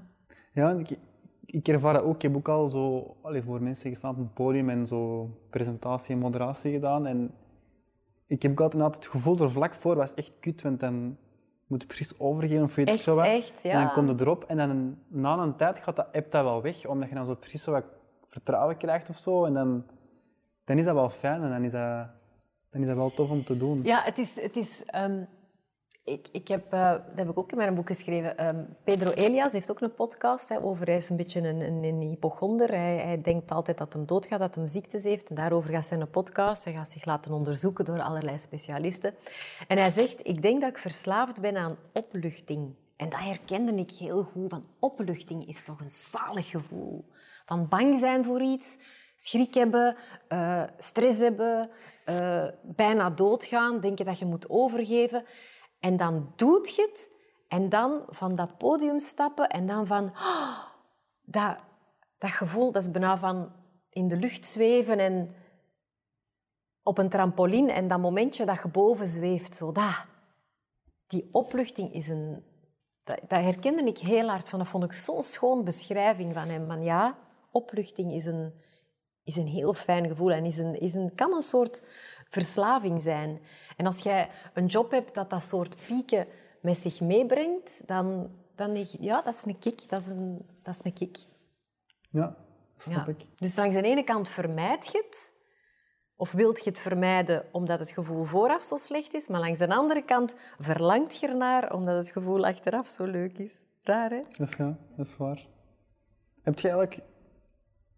Hunkert je daar ook naar, naar die, naar die, zelf ook naar die opluchting? Ja. Allee, hunkeren. Of ja, ik zal het misschien anders zeggen, want ik heb ook zo... ehm waar ik dan bijvoorbeeld ook heel veel... Allee, zo echt ook een beetje verslaafd aan ben, is zo, is zo mijn dopamine of, of, en zo suiker. Zo. Dat is voor mij iets dat ik heel eh, gevoelig aan ben. Dat je zo... Want scroll zijn, dat je zo... Ik merk dat vaak, dat ik in overdrive ga. Flow, flow. Ja, dat ik zo... Oh ja, ik kan dat nog doen. Oh, ik kan dat nog doen. En dat je zo Ja, ja, ja. in overdrijf gaat. En op het einde van de dag voel je je zo leeg. En dan denk je zo van, goh, waarom heb ik dat nu weer al gedaan? Maar op die moment kun je dan heel altijd zo... Ik denk dat dat dopamine is van, ja, oh, voldoening, want die taak is afgevinkt. En dan, Ja, ja, ja. daar, heb ik wel, eh, daar ben ik wel ontvankelijk voor. Ja, en, en ik denk dat dat gezond is, maar als je over die piek gaat, dan, dan put het u uit. Dan zuigt het u leeg. En dat is een hele, dat is een hele moeilijke om, om, om, om, om, om te controleren. Om te controleren. Maar ik herken het wel. Ja. Ik kan het wel zo. Een enthousiasme, een, een gretigheid van nog, nog, nog, nog. En dan is er... Is, en dat is goed, je mag daarin Ja. meegaan en dat is flow. Maar op een gegeven moment kan die, eh, kan, kun je wel naar beneden storten. Ja, dat is een, een rare mallenmolen, want je denkt ook van, ja, Ja. the time is now, eh, memento mori. Je denkt van, oh, je denkt dat je gaat sterven, dus je denkt van, oh, alles gewoon in die dag remmen. Maar dan uiteindelijk is het ook een beetje paradox, want inderdaad ook het zijn heeft ook zijn waarden en dat is zo moeilijk soms, omdat je dan denkt van, ja, ik ga dat nog snel doen en dan toch... ja. In de- je hebt ook al een paar keer over hun boek eh, gesproken, Eh, Fucking Perfect. Wat, Uw titel vond ik echt, eh, ja, ook echt perfect, ja, omdat ik omdat vooral die een... Zet de haakjes van de Inge. perfect ja. en ja. Ja. echt eh, waanzinnig zijn. Ehm, je hebt ook twee andere boeken denk ik al geschreven. Ja. Ehm, maar ik vraag me dan, hoe is dat boek eigenlijk tot stand gekomen dan? Of wat is er aan vooraf gegaan dat je er nood had om het te schrijven? Of wat is er gebeurd in je leven dat dat boek ontsproten is? Mm. Ik schrijf geweest? bijzonder graag. Ehm, eh, en mijn eerste boek is ontstaan doordat eh, mijn uitgeefster, eh, voor wie ik regelmatig werkte eh, als, als journalist eigenlijk, om, om auteurs te interviewen, op een gegeven moment zei ze, ik stond dan aan de andere kant van, volgens mij zit er een boek in u. En ik zei direct, volgens mij ook. Dus dat zijn zo van de kansen waarin dat je... En dan heb ik mijn eerste boek geschreven. En dit boek is eigenlijk ontstaan doordat... ehm, in lockdown ben ik ehm yoga-filmpjes beginnen opnemen. Hè, omdat ik ook al heel lang yoga doe en yoga-opleidingen volg en zo. En ik ben voor de mensen thuis filmpjes beginnen opnemen en beginnen verspreiden. En dan vroeg zij mij van, zou je geen yogaboek schrijven? Dus zo, zo is het begonnen. En ik zei, ja, dat wil ik wel doen, maar yoga is voor mij meer dan alleen maar wat turnoefeningen doen. Yoga is voor mij een manier van leven. En uiteindelijk is het dan een boek geworden over een beetje de, de filosofie achter, achter yoga. En is het vooral ontstaan omdat ik genoeg had van mijn eigen bullshit. Ik merkte dat ik zelf ehm, altijd worstelde met wie ben ik maar. Mezelf altijd maar naar beneden halen, uw eigen waarde. Mezelf altijd vergelijken met anderen en denken van ja, maar wie ben ik om een boek over het leven en perfectionisme te schrijven. Anderen kunnen dat veel beter. Ze zullen over mij denken dat ik maar dat onnozele actrice uit familie ben. Dat, daar botste ik op en ik was dat beu. Ik was beu om bang te zijn om aan iets te beginnen, omdat ik bang was dat het misschien mogelijk eventueel zou kunnen mislukken. Ik had daar genoeg van. En daarom daar ben ik gewoon spontaan over, over beginnen schrijven. En, en, en zo is het boek ontstaan. Het is, het is een boek over perfectionisme, over impostersyndroom, over uitstelgedrag, over niet durven te stralen, omdat je denkt dat dat stoeverig is. Om, eh, over, over jezelf omarmen zoals je bent, om jezelf te leren graag zien. Zelfliefde is zo superbelangrijk. Over tegen jezelf praten eh, zoals je tegen je beste vriend praat. Over stemmen in je hoofd beheersen. Over voelen, over leren voelen, over durven voelen, over durven contact maken met je lijf. Het zijn allemaal dingen die, die cruciaal zijn in mijn leven en in ieders leven, denk ik. Het cool is dan wel echt, Bieke, dat je ondanks dat wel een heel mooi leven al geleid hebt. Dus hij heeft ook wel niet tegengehouden om bepaalde dingen te doen. Nee. Snap je? Dat vind ik heel cool Nee. aan. Dat je ondanks dat, allee, ondanks, ik zal maar zeggen, Ja. bepaalde successen of bepaalde resultaten, dat je dan... Ja, je hebt dat toch maar gedaan, ondanks dat Ja. je met bepaalde uitdagingen daarnaast nog zit. Dus, allee, elke mens. Ah, wel, dat zei, en dat vond ik ook een supermooi compliment. Dat zei mijn heksenvriendin, zei mij. Zij is ook heel erg met yoga bezig, eh, Nathalie. En ehm, ze zei mij, eh, ze was ook zo aan het twijfelen, van, van, ze, is al 50 ver voorbij en ze wil heel graag een soort nieuwe carrière als yogadocent opstarten. Maar heel bang, zo van, ja, maar er zijn zoveel yogadocenten en wie ben ik om dat te doen? En ik kan het toch niet perfect en ik kan het niet zo goed, zoveel dingen die ik niet weet. Ze zei, maar door uw boek heb ik wel de moed verzameld en de moed gevonden om het toch te doen. En dat vind ik zo schoon. En dat, klopt. Van, ik, ik, ben, ik doe in mijn broek met die een boek. Ik weet ook wel dat dat niet compleet is en niet perfect is. Maar ik heb het wel gedaan. En ik durf mezelf ook met een beetje terughoudendheid, maar ik weet dat het belangrijk is, want het is een les die ik zelf geef aan de anderen in mijn boek. Ik durf ook zeggen van, Illegems, jij mocht fucking fier zijn op jezelf dat je dat gedaan hebt. Want je zit vol angsten en je vindt jezelf minder waardig dan een ander, maar je hebt het toch gedaan. Zwaar. Dat is eh, mooi gezegd. Dan vraag ik me ook af, lees je soms je eigen boek terug opnieuw, beetje, als je het moeilijk hebt? Ja, Dat is fantastisch eigenlijk, hè? Dat je gewoon je eigen stof... dat is echt onnozel, hè, maar dat is echt waar. Eh, Mijn man zei ook, van, leest u- soms zegt hij ook van, je moet je eigen boek nog eens even gaan lezen, denk ik. Ja. Zalig. Ja, want de premisse van mijn boek was, van, to- toen ik eraan begon, had ik mij zo onnozelig eh, weg ingeschreven op een eh, schrijf een boek in 30 dagen challenge. Want ik had heel veel last van uitstelgedrag. In het begin was het zo van, oh, het is een heel moeilijk proces geweest, dit boek. Ik werd heel erg geconfronteerd met al mijn twijfels en mijn onzekerheid, waardoor ik maar niet aan het schrijven toekwam. Zo, dat, wat bij mijn eerste twee boeken heel anders was. Dus ik schreef mij in op zo'n boekschrijfchallenge en dan moest ik een soort van boekstatement hebben in het begin van, kijk, als jij mij nu vraagt waarover gaat uw boek gaan, wat gaat het dan zeggen? En mijn boekstatement was, ik wil mensen die het gevoel hebben wat vast te zitten in hun leven, in een, in een, in een spiraal van eh, zichzelf vergelijken met anderen, van zich minder waardig voelen, inspiratie geven, eh, zodat ze ehm, ja, weer zin, ziel en sprankel in hun leven kunnen krijgen. Dat was mijn boekstatement. En ik las dat voor aan mijn man en die zei van ja, is dat niet zo alles waar dat jij zelf mee worstelt? En ik zeg yes, dat is het. De mes, message zit in de mes. Dus alle messes waar ik zelf mee worstel, daar zit eigenlijk ook de boodschap in.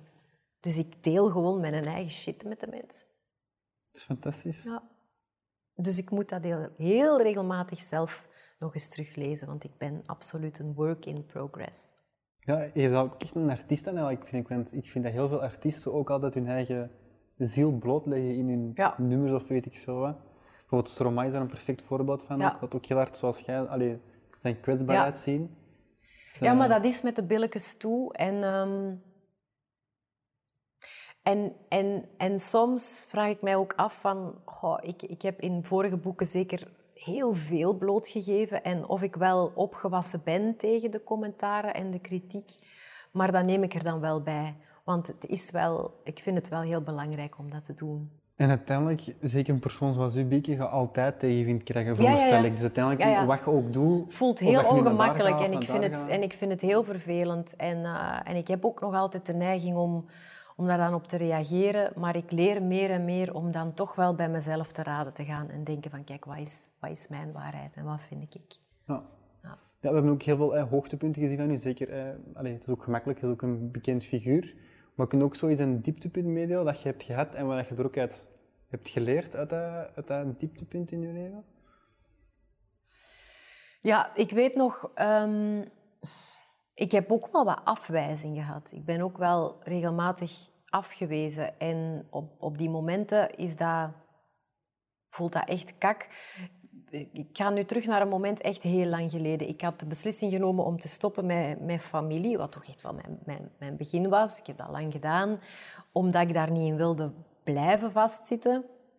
En ik had auditie gedaan voor Wittekerke. Dat was toen ook een, een, een bekende reeks. eh, en ik wilde dat zo graag doen. En ik was er ook van overtuigd dat ik een supergoeie auditie had gedaan. En ik ging er eigenlijk al vanuit dat ik die rol ging krijgen, weet. Ik was daar zo hard op gebrand om dat te, te, te mogen doen.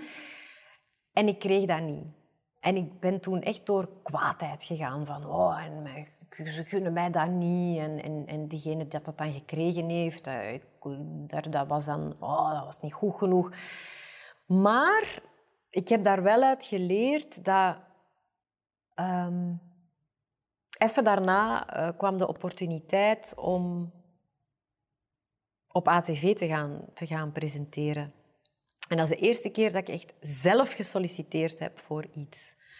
Ehm, en ik besef nu, was ik toen aangenomen bij Wittekerke, dan was ik waarschijnlijk nooit bij HTV beginnen werken. En door bij HTV te gaan werken, heeft mijn leven ook wel een heel andere wending aangenomen. Dus soms moeten er dingen gebeuren eh, die op dat moment, eh, waar je op dat moment verdriet of pijn van hebt, maar was dat meant to be? En soms moet je eens een keer ehm, afwijzing meemaken om, om een andere weg op te gaan. En soms, soms zijn obstakels zijn, zijn wegwijzers, hè? zijn op andere kant, andere kant op. Dat wil dat zeggen, hè? van wrong way, wrong way. En dat voelt bumpy en dat voelt heel moeilijk, maar eh, meestal kun je achteraf eh, daar met een glimlach op terugkijken van oké, dat was, dat moest zo zijn. Ja, het is vaak ook inderdaad dat je reflectie wel dat het gemakkelijker is om terug te kijken, want dat je op die moment er zelf in zit Nee, denken nee, van ah kak, shit, Kak, of zo. piskak, eh, stront, ja. En ik vind ook, allee, er wordt heel vaak zo die uitspraak van what doesn't kill you makes you stronger. Maar ik vind ook dat je daar heel voorzichtig mee moet zijn. Ja, alles eigenlijk, hè, vind ik. Ja, want niet iedereen heeft ten eerste de veerkracht om, om met bepaalde moeilijke dingen... Allee, als jij een diagnose krijgt dat jij een zware ziekte hebt of als er iemand die je heel dierbaar is, je ontvalt, dan zeggen what doesn't kill you makes you stronger. I mean, ehm, dan, wil ik, eh, dan wil ik je wel eens een keer een mot geven, denk ik. Allee, niet iedereen heeft de veerkracht, de mentale veerkracht om dat te doen. En is ook, niet iedereen is... Het hangt ook heel erg af van het kader van de mensen door wie je omringt. bent. Heb je een opvangnet? Heb je mensen die je kunnen helpen om, om daardoor te gaan, door die obstakels? Dus daar moeten we wel heel voorzichtig mee zijn, vind ik. Soms is, Ja. soms is shit gewoon shit. En niet meer dan dat. En is het niet om te zetten in alchemie van, van kak naar goud. Dat heb ik ook in mijn boek geschreven. Dat hoort ook bij het leven. Ja. Je bent onlangs ook 50 geworden. Mm. Ehm, naast heel veel dankbaarheid heb je ook een bepaalde angst, heb ik gelezen. Kun je verklaren wat je ermee eh, wilt bedoelen? Dat is echt letterlijk angst voor ehm, aftakeling. En ehm, ehm, voor, be- ik besef ook van ja, ik zal al over de helft zitten. Hè. En als ik zie hoe snel, in, naar mijn gevoel, de jaren zijn gegaan, pakt tussen mijn 19, toen ik begon te werken voor tv, en, en mijn 50, dat lijkt een flits. En dan denk ik van ja, dat is wel 30 jaar. En, en als ik nog eens 30 jaar verder denk, die flits dus, dan ben ik 80. Dat is zo'n onwezenlijke gedachte. En ik weet ook wel van, ik probeer goed voor mezelf te zorgen. Eh, voor mijn lijf, voor mijn hoofd, voor mijn alles. En ik zie zeker mensen van 80 jaar die nog sprankelen en, en, en, en die nog vol levenslust en kracht zitten, maar dat is geen garantie. Dus dat beangstigt mij wel. En dan, ja, eh, eh, het doodgaan, eh, daar hadden we het al over, van het idee van er niet te zijn, dat, dat kun je gewoon niet, niet vatten. Dus ik wil nog wel, ik wil in die, in, die, in die jaren die mij nog resten, nog wel echt veel doen, maar vooral zijn en, en bewust presence. En elk, elk, elk cliché, ook cliché, maar alles heel bewust beleven. Ik, ik besef heel goed dat, er, dat ik heel veel dagen, wellicht jaren heb verscheten door te kijken naar wat er niet is, in de plaats van te kijken naar wat er wel is. In plaats van, en dat doen heel veel mensen, van eh, ik ook in mijn carrière. Van, en ik had dat willen doen en ik heb dat gemist en dat niet. In plaats van te kijken van wauw, ik heb dat al gedaan, ik heb dat mogen doen. Ik heb prachtige dochters, ik heb een huis, ik heb een man. Ik heb, ik heb, eh, ik, ik heb een toffe job. Het is regionaal, maar het is fantastisch. Het is, allez, ik, ik, ik ben denk ik, voor zover ik weet, gezond. Allee, dat probeer ik. Ik probeer zo dankbaar te zijn voor wat er is. Dus, maar 50 worden, ja, ik ben ook wel eens bang. Ehm, ik, ik heb nu eenmaal een job die, waarbij uiterlijk toch wel een zeker belang heeft en, en, en frisheid en jeugdigheid. Er zijn niet zoveel vrouwen boven de 50 op televisie. Dus ik moet mezelf misschien wel wat eruit vinden. Maar vreemd genoeg heb ik daar tegelijkertijd ook een gretigheid en een nieuwsgierigheid naar. Omdat ik wel weet dat het mij misschien een soort van rust zal brengen. En ook een vertrouwen. Want kijk hoe ik nu in het leven sta, heb ik wel vertrouwen dat het altijd zal zijn zoals het moet zijn. En dat geeft wel wat rust. Van one way or another komt het wel goed.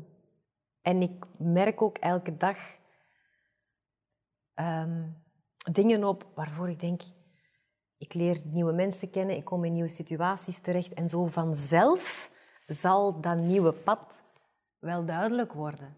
The path is made by walking, weet je. Dus het heeft geen zin om mij daar kei veel zorgen over te maken. Wat niet wil zeggen dat ik het niet soms doe. Hè. Dat snap ik volledig. En ik verscheid ook nog soms dagen en dat is ook oké. Want aan jezelf werken en met groei en zelfontplooiing bezig zijn, kan ook een dogma worden. Self-care mag ook niets worden van het moet. Ik moet elke dag zinvol leven, zin uit het leven halen, iets spiritueel doen, iets groots. Soms mag ik ook een dagje gewoon uh, in mijn pyjama en in mijn zak chips en een glas wijn Netflix kijken. Helemaal oké.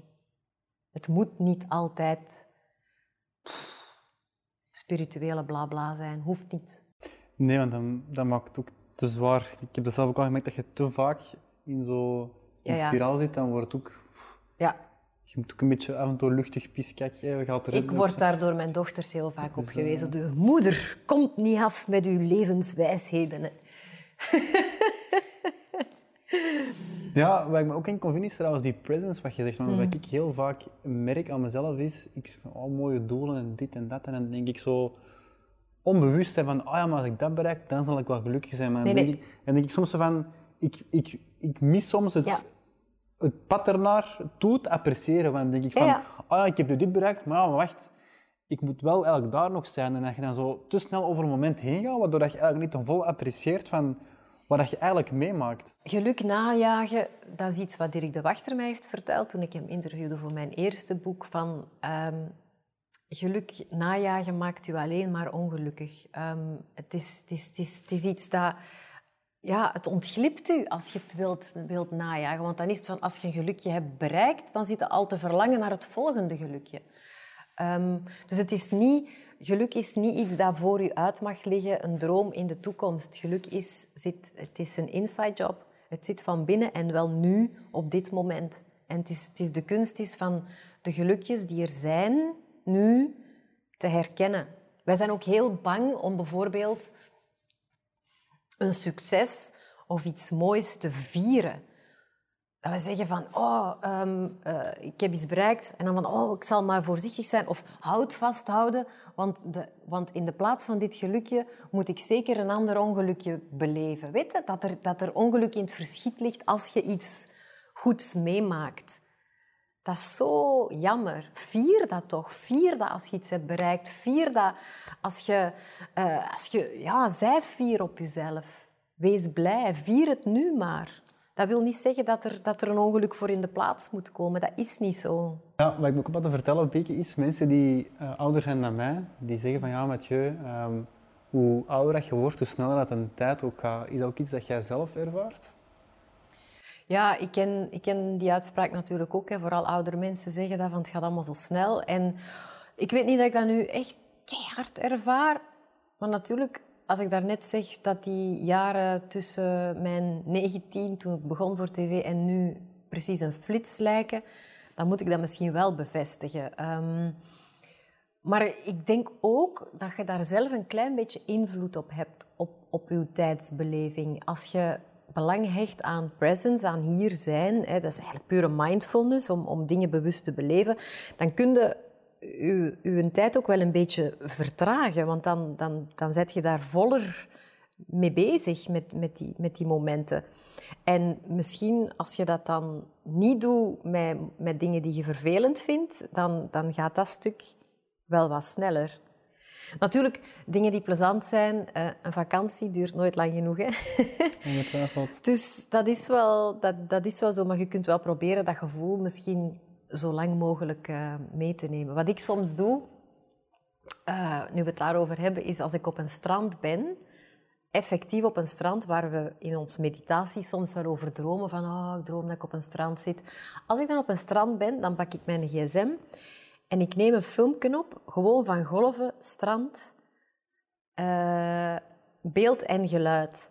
En als ik dan thuis ben, dan breng ik mij terug naar dat strand met beeld en geluid. Om zo even dat, dat vakantiegevoel en dat rustgevoel en die golven uh, te verlengen. Je moet ook zien wanneer dat je dat doet, want soms kan het ook frustrerend zijn dat je denkt van, me, ik zit hier niet. Dat is ook waar. Ja. Maar ik denk ook dat, dat de tijd sneller gaat um, als je ouder wordt, of dat we dat gevoel hebben, omdat als kind, nu is dat misschien minder omdat er allerlei technologieën en gsm's en social media zijn, maar als kind kon ik mij nog echt vervelen. Zo de kracht van gewoon een dag denken of zo'n zondag en dan was er niks op tv, alleen maar sport en je kon niks doen en de winkels waren niet open. Zo, u zo nog eens goed vervelen en dan gaat een tijd traag, maar eigenlijk heb ik daar soms wel heimwee naar. Van zo een dag nog eens echt niet weten wat doen. Zo gewoon, oh, verveling. Daar zit zoveel potentieel in, want dan gaat de dan ga je je fantasie werken, dan ga je creatief zijn, dan ga je dingen doen. Uh, voor jezelf zo, dat, dat, dat, daar heb ik wel een beetje heimwee naar. Ja, dat snap ik. Ja, en dan kun je de tijd ook vertragen, dan gaat de tijd trager. Dus daarom is het misschien als kind dat je het gevoel hebt dat het, dat het allemaal wat langer duurt en wat trager gaat. Maar ja, ik kom uit de prehistorie, dus uh, toen, toen was er nog niet zoveel op tv en, en, en internet bestond nog niet. Dus, uh, ja, we hebben niet andere alle... wereld. We hebben niet alles in handen, maar wel veel in handen eigenlijk, ja, als Ja. je het zo hoort.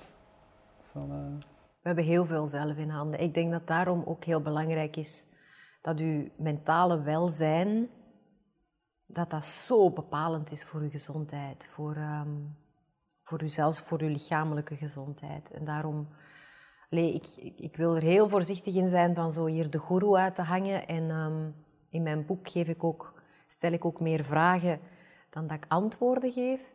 Maar daarom hecht ik veel, heel veel belang aan professionele hulp als je, als je met issues zit. Ehm, om, om de stap te zetten naar een goede therapeut, naar een psychiater, naar een psycholoog, eh, naar whatever. Maar er zit zoveel, heel veel in je hoofd.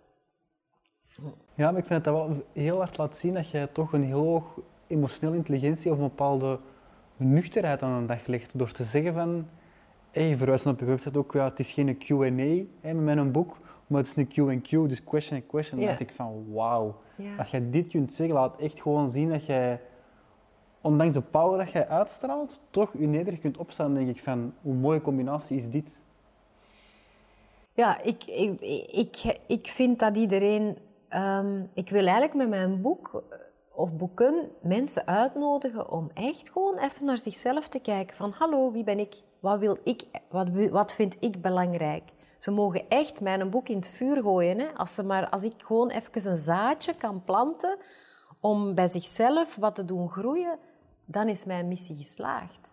Maar wie, wie, wie ben ik om te zeggen wat dat iemand moet doen? Ik deel wat dat ik doe s ochtends en mijn ochtendritueel, waar dat ik veel aan heb. Eh, en misschien kunnen ze dat proberen en kan dat ook voor hen iets doen. Maar is dat niet, is dat niet. Maar ik plant wel een zaadje om eens over hun ochtend na te denken. En hoe wilt jij die invullen? En, en, en, hoe gaat jij daar bewust mee om? En het is ook een uitnodiging om vooral zelf ook te voelen. En niet altijd in je hoofd te zitten, maar ook feel it zelf. Je lijf. Contact maken met je lichaam. Met je emotie, dat daardoor stroomt. Van dat erdoor te laten gaan. Ja, is Emotion. Energy weten. in motion. Wat ik ook heb gezien op je socials, Bieke, is dat je tattoos hebt. Waaronder een vlinder. Ja. En vraag me af, hebben we nu... Dat is zo grappig dat je dat nu vraagt, want ik heb er sinds gisteren een, een, een nieuwe. Maar ik we ze niet laten zien, want ze staat op een plaats Ah, dat je niet kunt. Allee, ik kan het niet laten zien. Ja, dat is jammer. Ja, Maar heel veel mensen verwachten dat niet van mij. Van, jij, tattoos? Zo, bij, bij het, het propere, deftige, eh, voorname juffrouwken en dan tattoo. Ja, Het is een beetje de bijklank dat een ik tattoo heb... gekregen ehm, heeft. mijn eerste tattoo is de Dezes Joy. Ja? Om, omdat ik ehm, van mezelf vond dat ik te vaak eh, somber in het leven stond en, en vaak niet zag wat er wel was en te veel wat er niet was en wat ik miste. En wat ik dacht van, ik wil dat ook. Terwijl ik denk van, kijk nu eens naar jezelf. Dus joy, om mij te, eraan te herinneren, om de goede dingen te zien en om ook eens een keer fun zonder functie te hebben. Gewoon leuke dingen te doen, vind ik superbelangrijk. Zonder dat dat een doel moet hebben of voor een boek moet dienen of voor een cursus moet dienen of voor een hoger... Gewoon fun, plezier. That's it. En de tweede is een vlinder, omdat ehm, een vlinder symbool is van transformatie. En omdat een vlinder eh, heel veel betekent voor mij. Een vlinder moet in een kokonnetje zitten en kan niet blijven eten, want op een gegeven moment heeft dat genoeg gegeten en geabsorbeerd en moet dat de kracht hebben om te vliegen. En moet dat durven vliegen. Eh, ik zei eens tegen iemand eh, in mijn cursus, ik was voortdurend but aan het in het Engels. Ik zei van, but I can't do that, but I'm too small, but I'm not good enough, but I, others can do it better. En dan zei ze, stop Bieke, don't say but, add a terfly, butterfly. en dat vond ik zo schoon. Dus nu, elke keer als ik mezelf maar hoor zeggen, dan denk ik, vlieg, vlieg, durf, stap, spring. Je kunt niet blijven verzamelen en eten. Op een gegeven moment moet je je verantwoordelijkheid ook durven nemen. En risico's durven nemen en durven vliegen. En wat mij nog aantrekt aan een vlinder is het feit dat het fragiel is, maar toch heel krachtig. Het, het kan door orkanen vliegen, het blijft, het blijft leven. Het is ook fragiel uiteraard. En ehm, een vlinder ziet niet de schoonheid van zijn of haar eigen kleuren en vleugels. En dat is soms een herinnering van... Wees eens een vlinder, maar besef wel dat uw kleuren schoon zijn. Dus dat vond ik heel mooi. Maar wauw, Bieke. Veel betekenis en transformatie uit de kokon. Allee, dat heeft verschillende stadia. eh, rust, vliegen. eh, enfin, dat komt. En ja, dus ik heb dus een vlinder, maar hij is een beetje, een beetje te groot uitgevallen. Maar ik zal hem laten zien, hè, als ik mijn mouw omhoog krijg. Aan dezelfde kant is ook waar Joy staat. Ja. Dat is fantastisch, hè? Ja. Ik had hem graag iets kleiner en fijner, eh, maar om een of andere reden is hem wat groot uit- uitgevallen. Maar soms zie ik hem graag en soms zie ik hem niet graag. Zoals, zoals dat met mezelf is, dat is ook symbolisch. En sinds gisteren heb ik dus een nieuwe op mijn rug. Eh Sanskriet voor ehm, Cool, dat alleen al. Ja. Shakti. Shakti, life force, feminine power, energy. Dus Shakti is de energie die van aan je ruggengraat naar boven stijgt, de kundalini die dingen vrijgeeft. En Shakti is een beetje de, de naam die we gegeven hebben ook aan onze GIFU-groepje, in onze calibration cursus, waarmee we in een vortex elkaar willen versterken en het potentiële elkaar naar boven willen halen. Dus dat staat symbool voor Shakti. En we hebben gisteren met z'n vieren, vier van de vrouwen die toevallig in Antwerpen waren allemaal, samen in een impulsieve bui naar een tattoo-salon gestapt. En, eh, Zalig. ja. ja. En over synchronicity gesproken, op de dag dat we eh, op het idee kwamen om eh, naar een tattoo-salon te stappen, om samen een tattoo te zetten, ehm, moest ik s'avonds het ATV-nieuws presenteren. En op die dag moest ik in het nieuws een reportage aankondigen over een tattoo-salon. Die fijne tattoos zetten, dus de keuze was snel gemaakt. Synchronicity en onnozel dingetjes, waarschijnlijk zegt iedereen, ja, dat is toch een ongelooflijk toeval. Toeval, puur toeval. Ja. Ik geloof dan dat er achter dat toeval toch iets, iets meer zit. Dan gaan de mensen mij echt voor zot verklassen. Ze gaan nooit meer iets geloven wat ik zeg in het nieuws. Dat denk ik niet. Want was dat ook die moment dat je zonder schoenen presenteerde, of niet? Of was het een andere dag? Die dag. Oh, daar had ik nu niet over nagedacht. Had dat er nu ook iets mee te maken? Nee, nee, nee, maar... Het was wel diezelfde dag. Ik Ja. vond het wel eh, free as a butterfly, hè? Free as a butterfly. Ja, Ja, zonder schoenen. Wat je ziet, ja, soms zie je niet wat er onder de, achter de nieuwsdesk gebeurt. Ja. Ja, maar bij Sanskrit denk ik altijd spontaan aan Deepak Chopra. Ja. Omdat die zo... Ik heb ooit zo'n zo'n 21 Day Abundance Challenge gedaan. Ik weet niet of je die kent. Mhm, ken hem, ken hem. Ik heb hem En ook was gedaan. echt... Ja, was... eh, Satchit Ananda. Yes, ja, ja. Vrij... ik zat, ik, op een gegeven moment, ik zat daar ook, ik doe het dan 's morgens in mijn bed. En mijn vriendin komt dan soms binnen en denkt echt van, wat is die man hier aan het, aan het uitkramen? Ik dacht ook, ja, je moet ook nazeggen en zo. Een soort Ja, dat zijn van mantra's, hilarische ja. tafereelen. Ja. Ja, ja, mantras vind ik super, super, eh, super krachtig. Ehm, ik had daar vroeger ook zo wat weerstand tegen. Ehm, in, in, in onze yoga, in de Kundalini bijvoorbeeld, of in Aruna yoga, worden er ook mantras gezongen. En in het begin dacht ik van, wat is dit echt? Dit is echt wel precies zoals ik in een secte zit. Ja. Maar dat doet wel heel veel. Je eigen stem horen en dingen naar buiten brengen. En alles heeft mij, ja, dat, dat, alles heeft een energie. En, en ook die woorden die je, die je zegt hebben een energie. Dat is de, dat is de magie van een woord. Hè. Altijd heel goed nadenken over Klopt. wat je zegt. Echt waar. Ja, hoe dat je jezelf benoemt, hoe je tegen jezelf spreekt. Ik weet niet hoe we nu van mantras naar dat gaan, maar be impeccable with your words. Ehm, die hebben kracht. Ken je toevallig Eliza? Nee. Oef, ja, maar ik twee Elisa, Eliza? dingen- Eliza, Eliza en Soul moeten jij... Eliza is een energetische wellness. En dat is echt... Ah ja, ja, dat is in State of the Limburg. earth, ja, waanzin. Ah, ja. heb er misschien een reportage over gedaan, dat is absolute waanzin. Dat En daar heb ik ook zo klankceremonie Ja, ja, heerlijk. Van, in die Temascal en zo, ook met dan zo die kruiden en zo dat in dat vuur gooien. Ik vond dat een fantastische ervaring. Ja, echt, eh, ik vind dat ook magisch en mysterieus. En ik hoef... Mensen mogen mij zeggen van, allee, wat is dat nu voor hekserij? Ik, ik vind het fantastisch. Ik, ik, ik brand ook wel eens wat Palo Santo. Gewoon omdat Mhm. geur, dat, dat, dat werkt op mijn emotie, op mijn gemoed, op mij. Dat, dat zorgt voor een soort van helderheid eh, in mijn geest. En klankschaal... Eh, de, de, de meest intense meditaties die ik al heb meegemaakt, is als iemand ehm, echt zo een gong bedient. Dus tijdens een shavasana, tijdens een, een, een eindontspanning, en dan op zo'n grote gong slaan. En dat brengt zoveel vibraties in je lijf. Je lijf is water, dus dat zorgt voor heel veel trillingen in je lichaam. En dat bracht dat brengt ook heel veel angsten in mij naar boven. Zo van, "Oh, wat is dat? Maar daarna ook een soort van ongelooflijke rust, eh, vind ik. Dus ik vind dat super fascinerend, die klankmeditaties. ik, ik heb ook. van Erik zo'n... Is echt heel lief, hij heeft zo klankschalen Wacht, voor mij gekocht. je gaat zeggen. Iets dat je zo... U, u, als je van die, van die bracelets zo er kunt inleggen om dat zo terug te cleanen, of niet? Je dat? Zo, zo je kunt zo Ja, het is zo'n borstel en dan kunt moet je daar gebruiken En dan rondgaan en- al die energie eruit uit een bepaald object ook, dat je dat terug zo kunt... Dat ken ik niet. ah, nee, nee, nee, gewoon, ik heb een cadeau Ja. gekregen en daar zit dan zo'n een gongetje bij. Maar ik kan het niet. Ehm, ik kan er wel op kloppen en dan trilt dat, dan maakt dat een, een mooi geluid en dan deint dat weg en dat is schoon. Maar mensen die dat echt goed kunnen, kunnen dat dan ook daar ronddraaien en dan blijft dat zo wat na. Dat lukt mij nog niet. Dat zou ik graag kunnen. Work in progress, hè. Ja. Er is nog zoveel te ontdekken. Bieke, ik heb een paar laatste vragen. Dat Hm. zijn vaak... eh, ja, allee, die hebben weinig te maken met wat ik allemaal verteld heb. Ehm, wat is de grootste misvatting dat mensen van u hebben?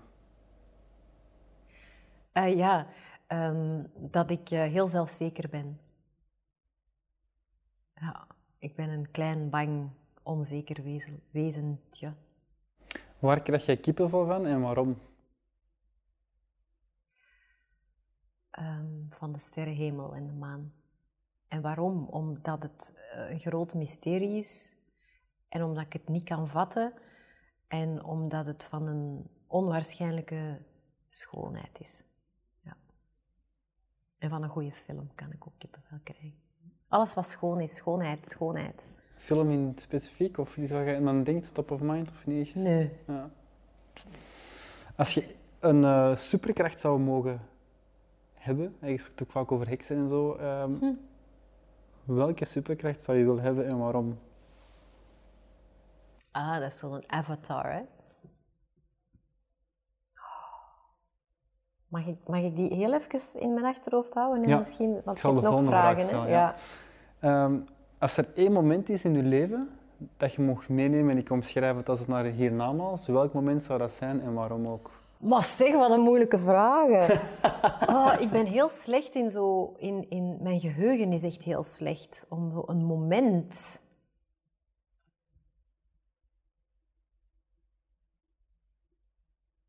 Ja, ik zal misschien nadenken. Wacht, hè, we hebben, we hebben nog andere mensen gezegd. Ehm Ik, ik dat wil is ook dat... een beetje kiezen tussen, wat jij ook de juiste zei, zo tussen nu, allee, dat je tussen je kinderen moet kiezen. Dat is een beetje hetzelfde Ja, dat gaat niet. Dus ik ga iets abstract nemen. Want Ja. allee, er zijn natuurlijk heel veel momenten van ervaringen van...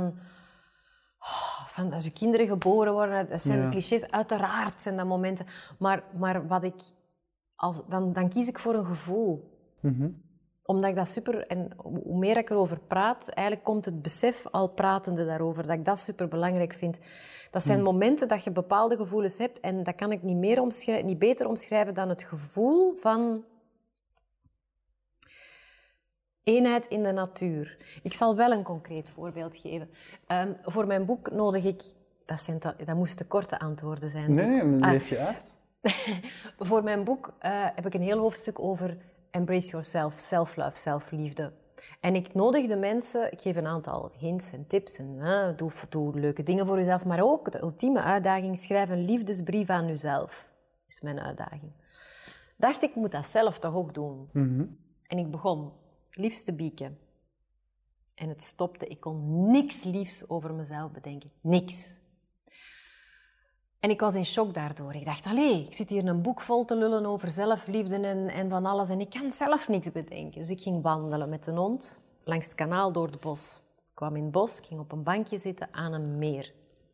Opeens zag ik de reflectie van bomen, natuur, bos in dat meer. En ik zag ook mijn eigen reflectie. En ik dacht, ik ben één. Ik zag ineens de eenheid van mij en, en, en de bomen en de natuur en ik in, in dat water. En dat ontroerde mij, want ik dacht, hoe kan ik nu niks liefs over mezelf opschrijven, bedenken, als ik deel ben van dit allemaal? En dat ontroerde mij zo. En toen ben ik terug naar huis gewandeld. Toen vloog er een vlinder in mijn gezicht. En dan ben ik beginnen schrijven aan mijn liefdesbrief aan mezelf en dan begon het te stromen. Maar dat moment, dat gevoel van Cool. eenheid, dat gevoel zou ik willen meenemen. Want dat, dat zijn de momenten, dat gevoel kan ik ook hebben als ik een goed gesprek heb met iemand. Als ik iemand ontmoet die ik misschien nog nooit heb gezien. Maar gisteren was er zo'n ontmoeting met, met iemand die aan de andere kant van de wereld woont, waar we in een, in een groeitraject mee zitten, die je dan in het echt ontmoet en dat je zegt, "Ah, ik ken u precies al heel mijn leven. En dat is dat gevoel van eenheid, dus dat neem ik mee. Mooi. Ja, Mooi. abstract en misschien woehoe, maar dat.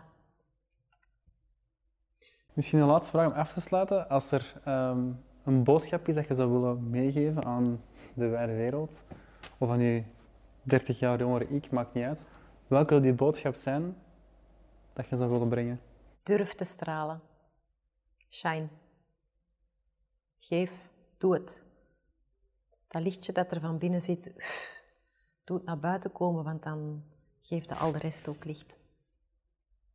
Zalig. Amen. Dat er een lekkere smoothie van kan gemaakt worden. Hè? Ja.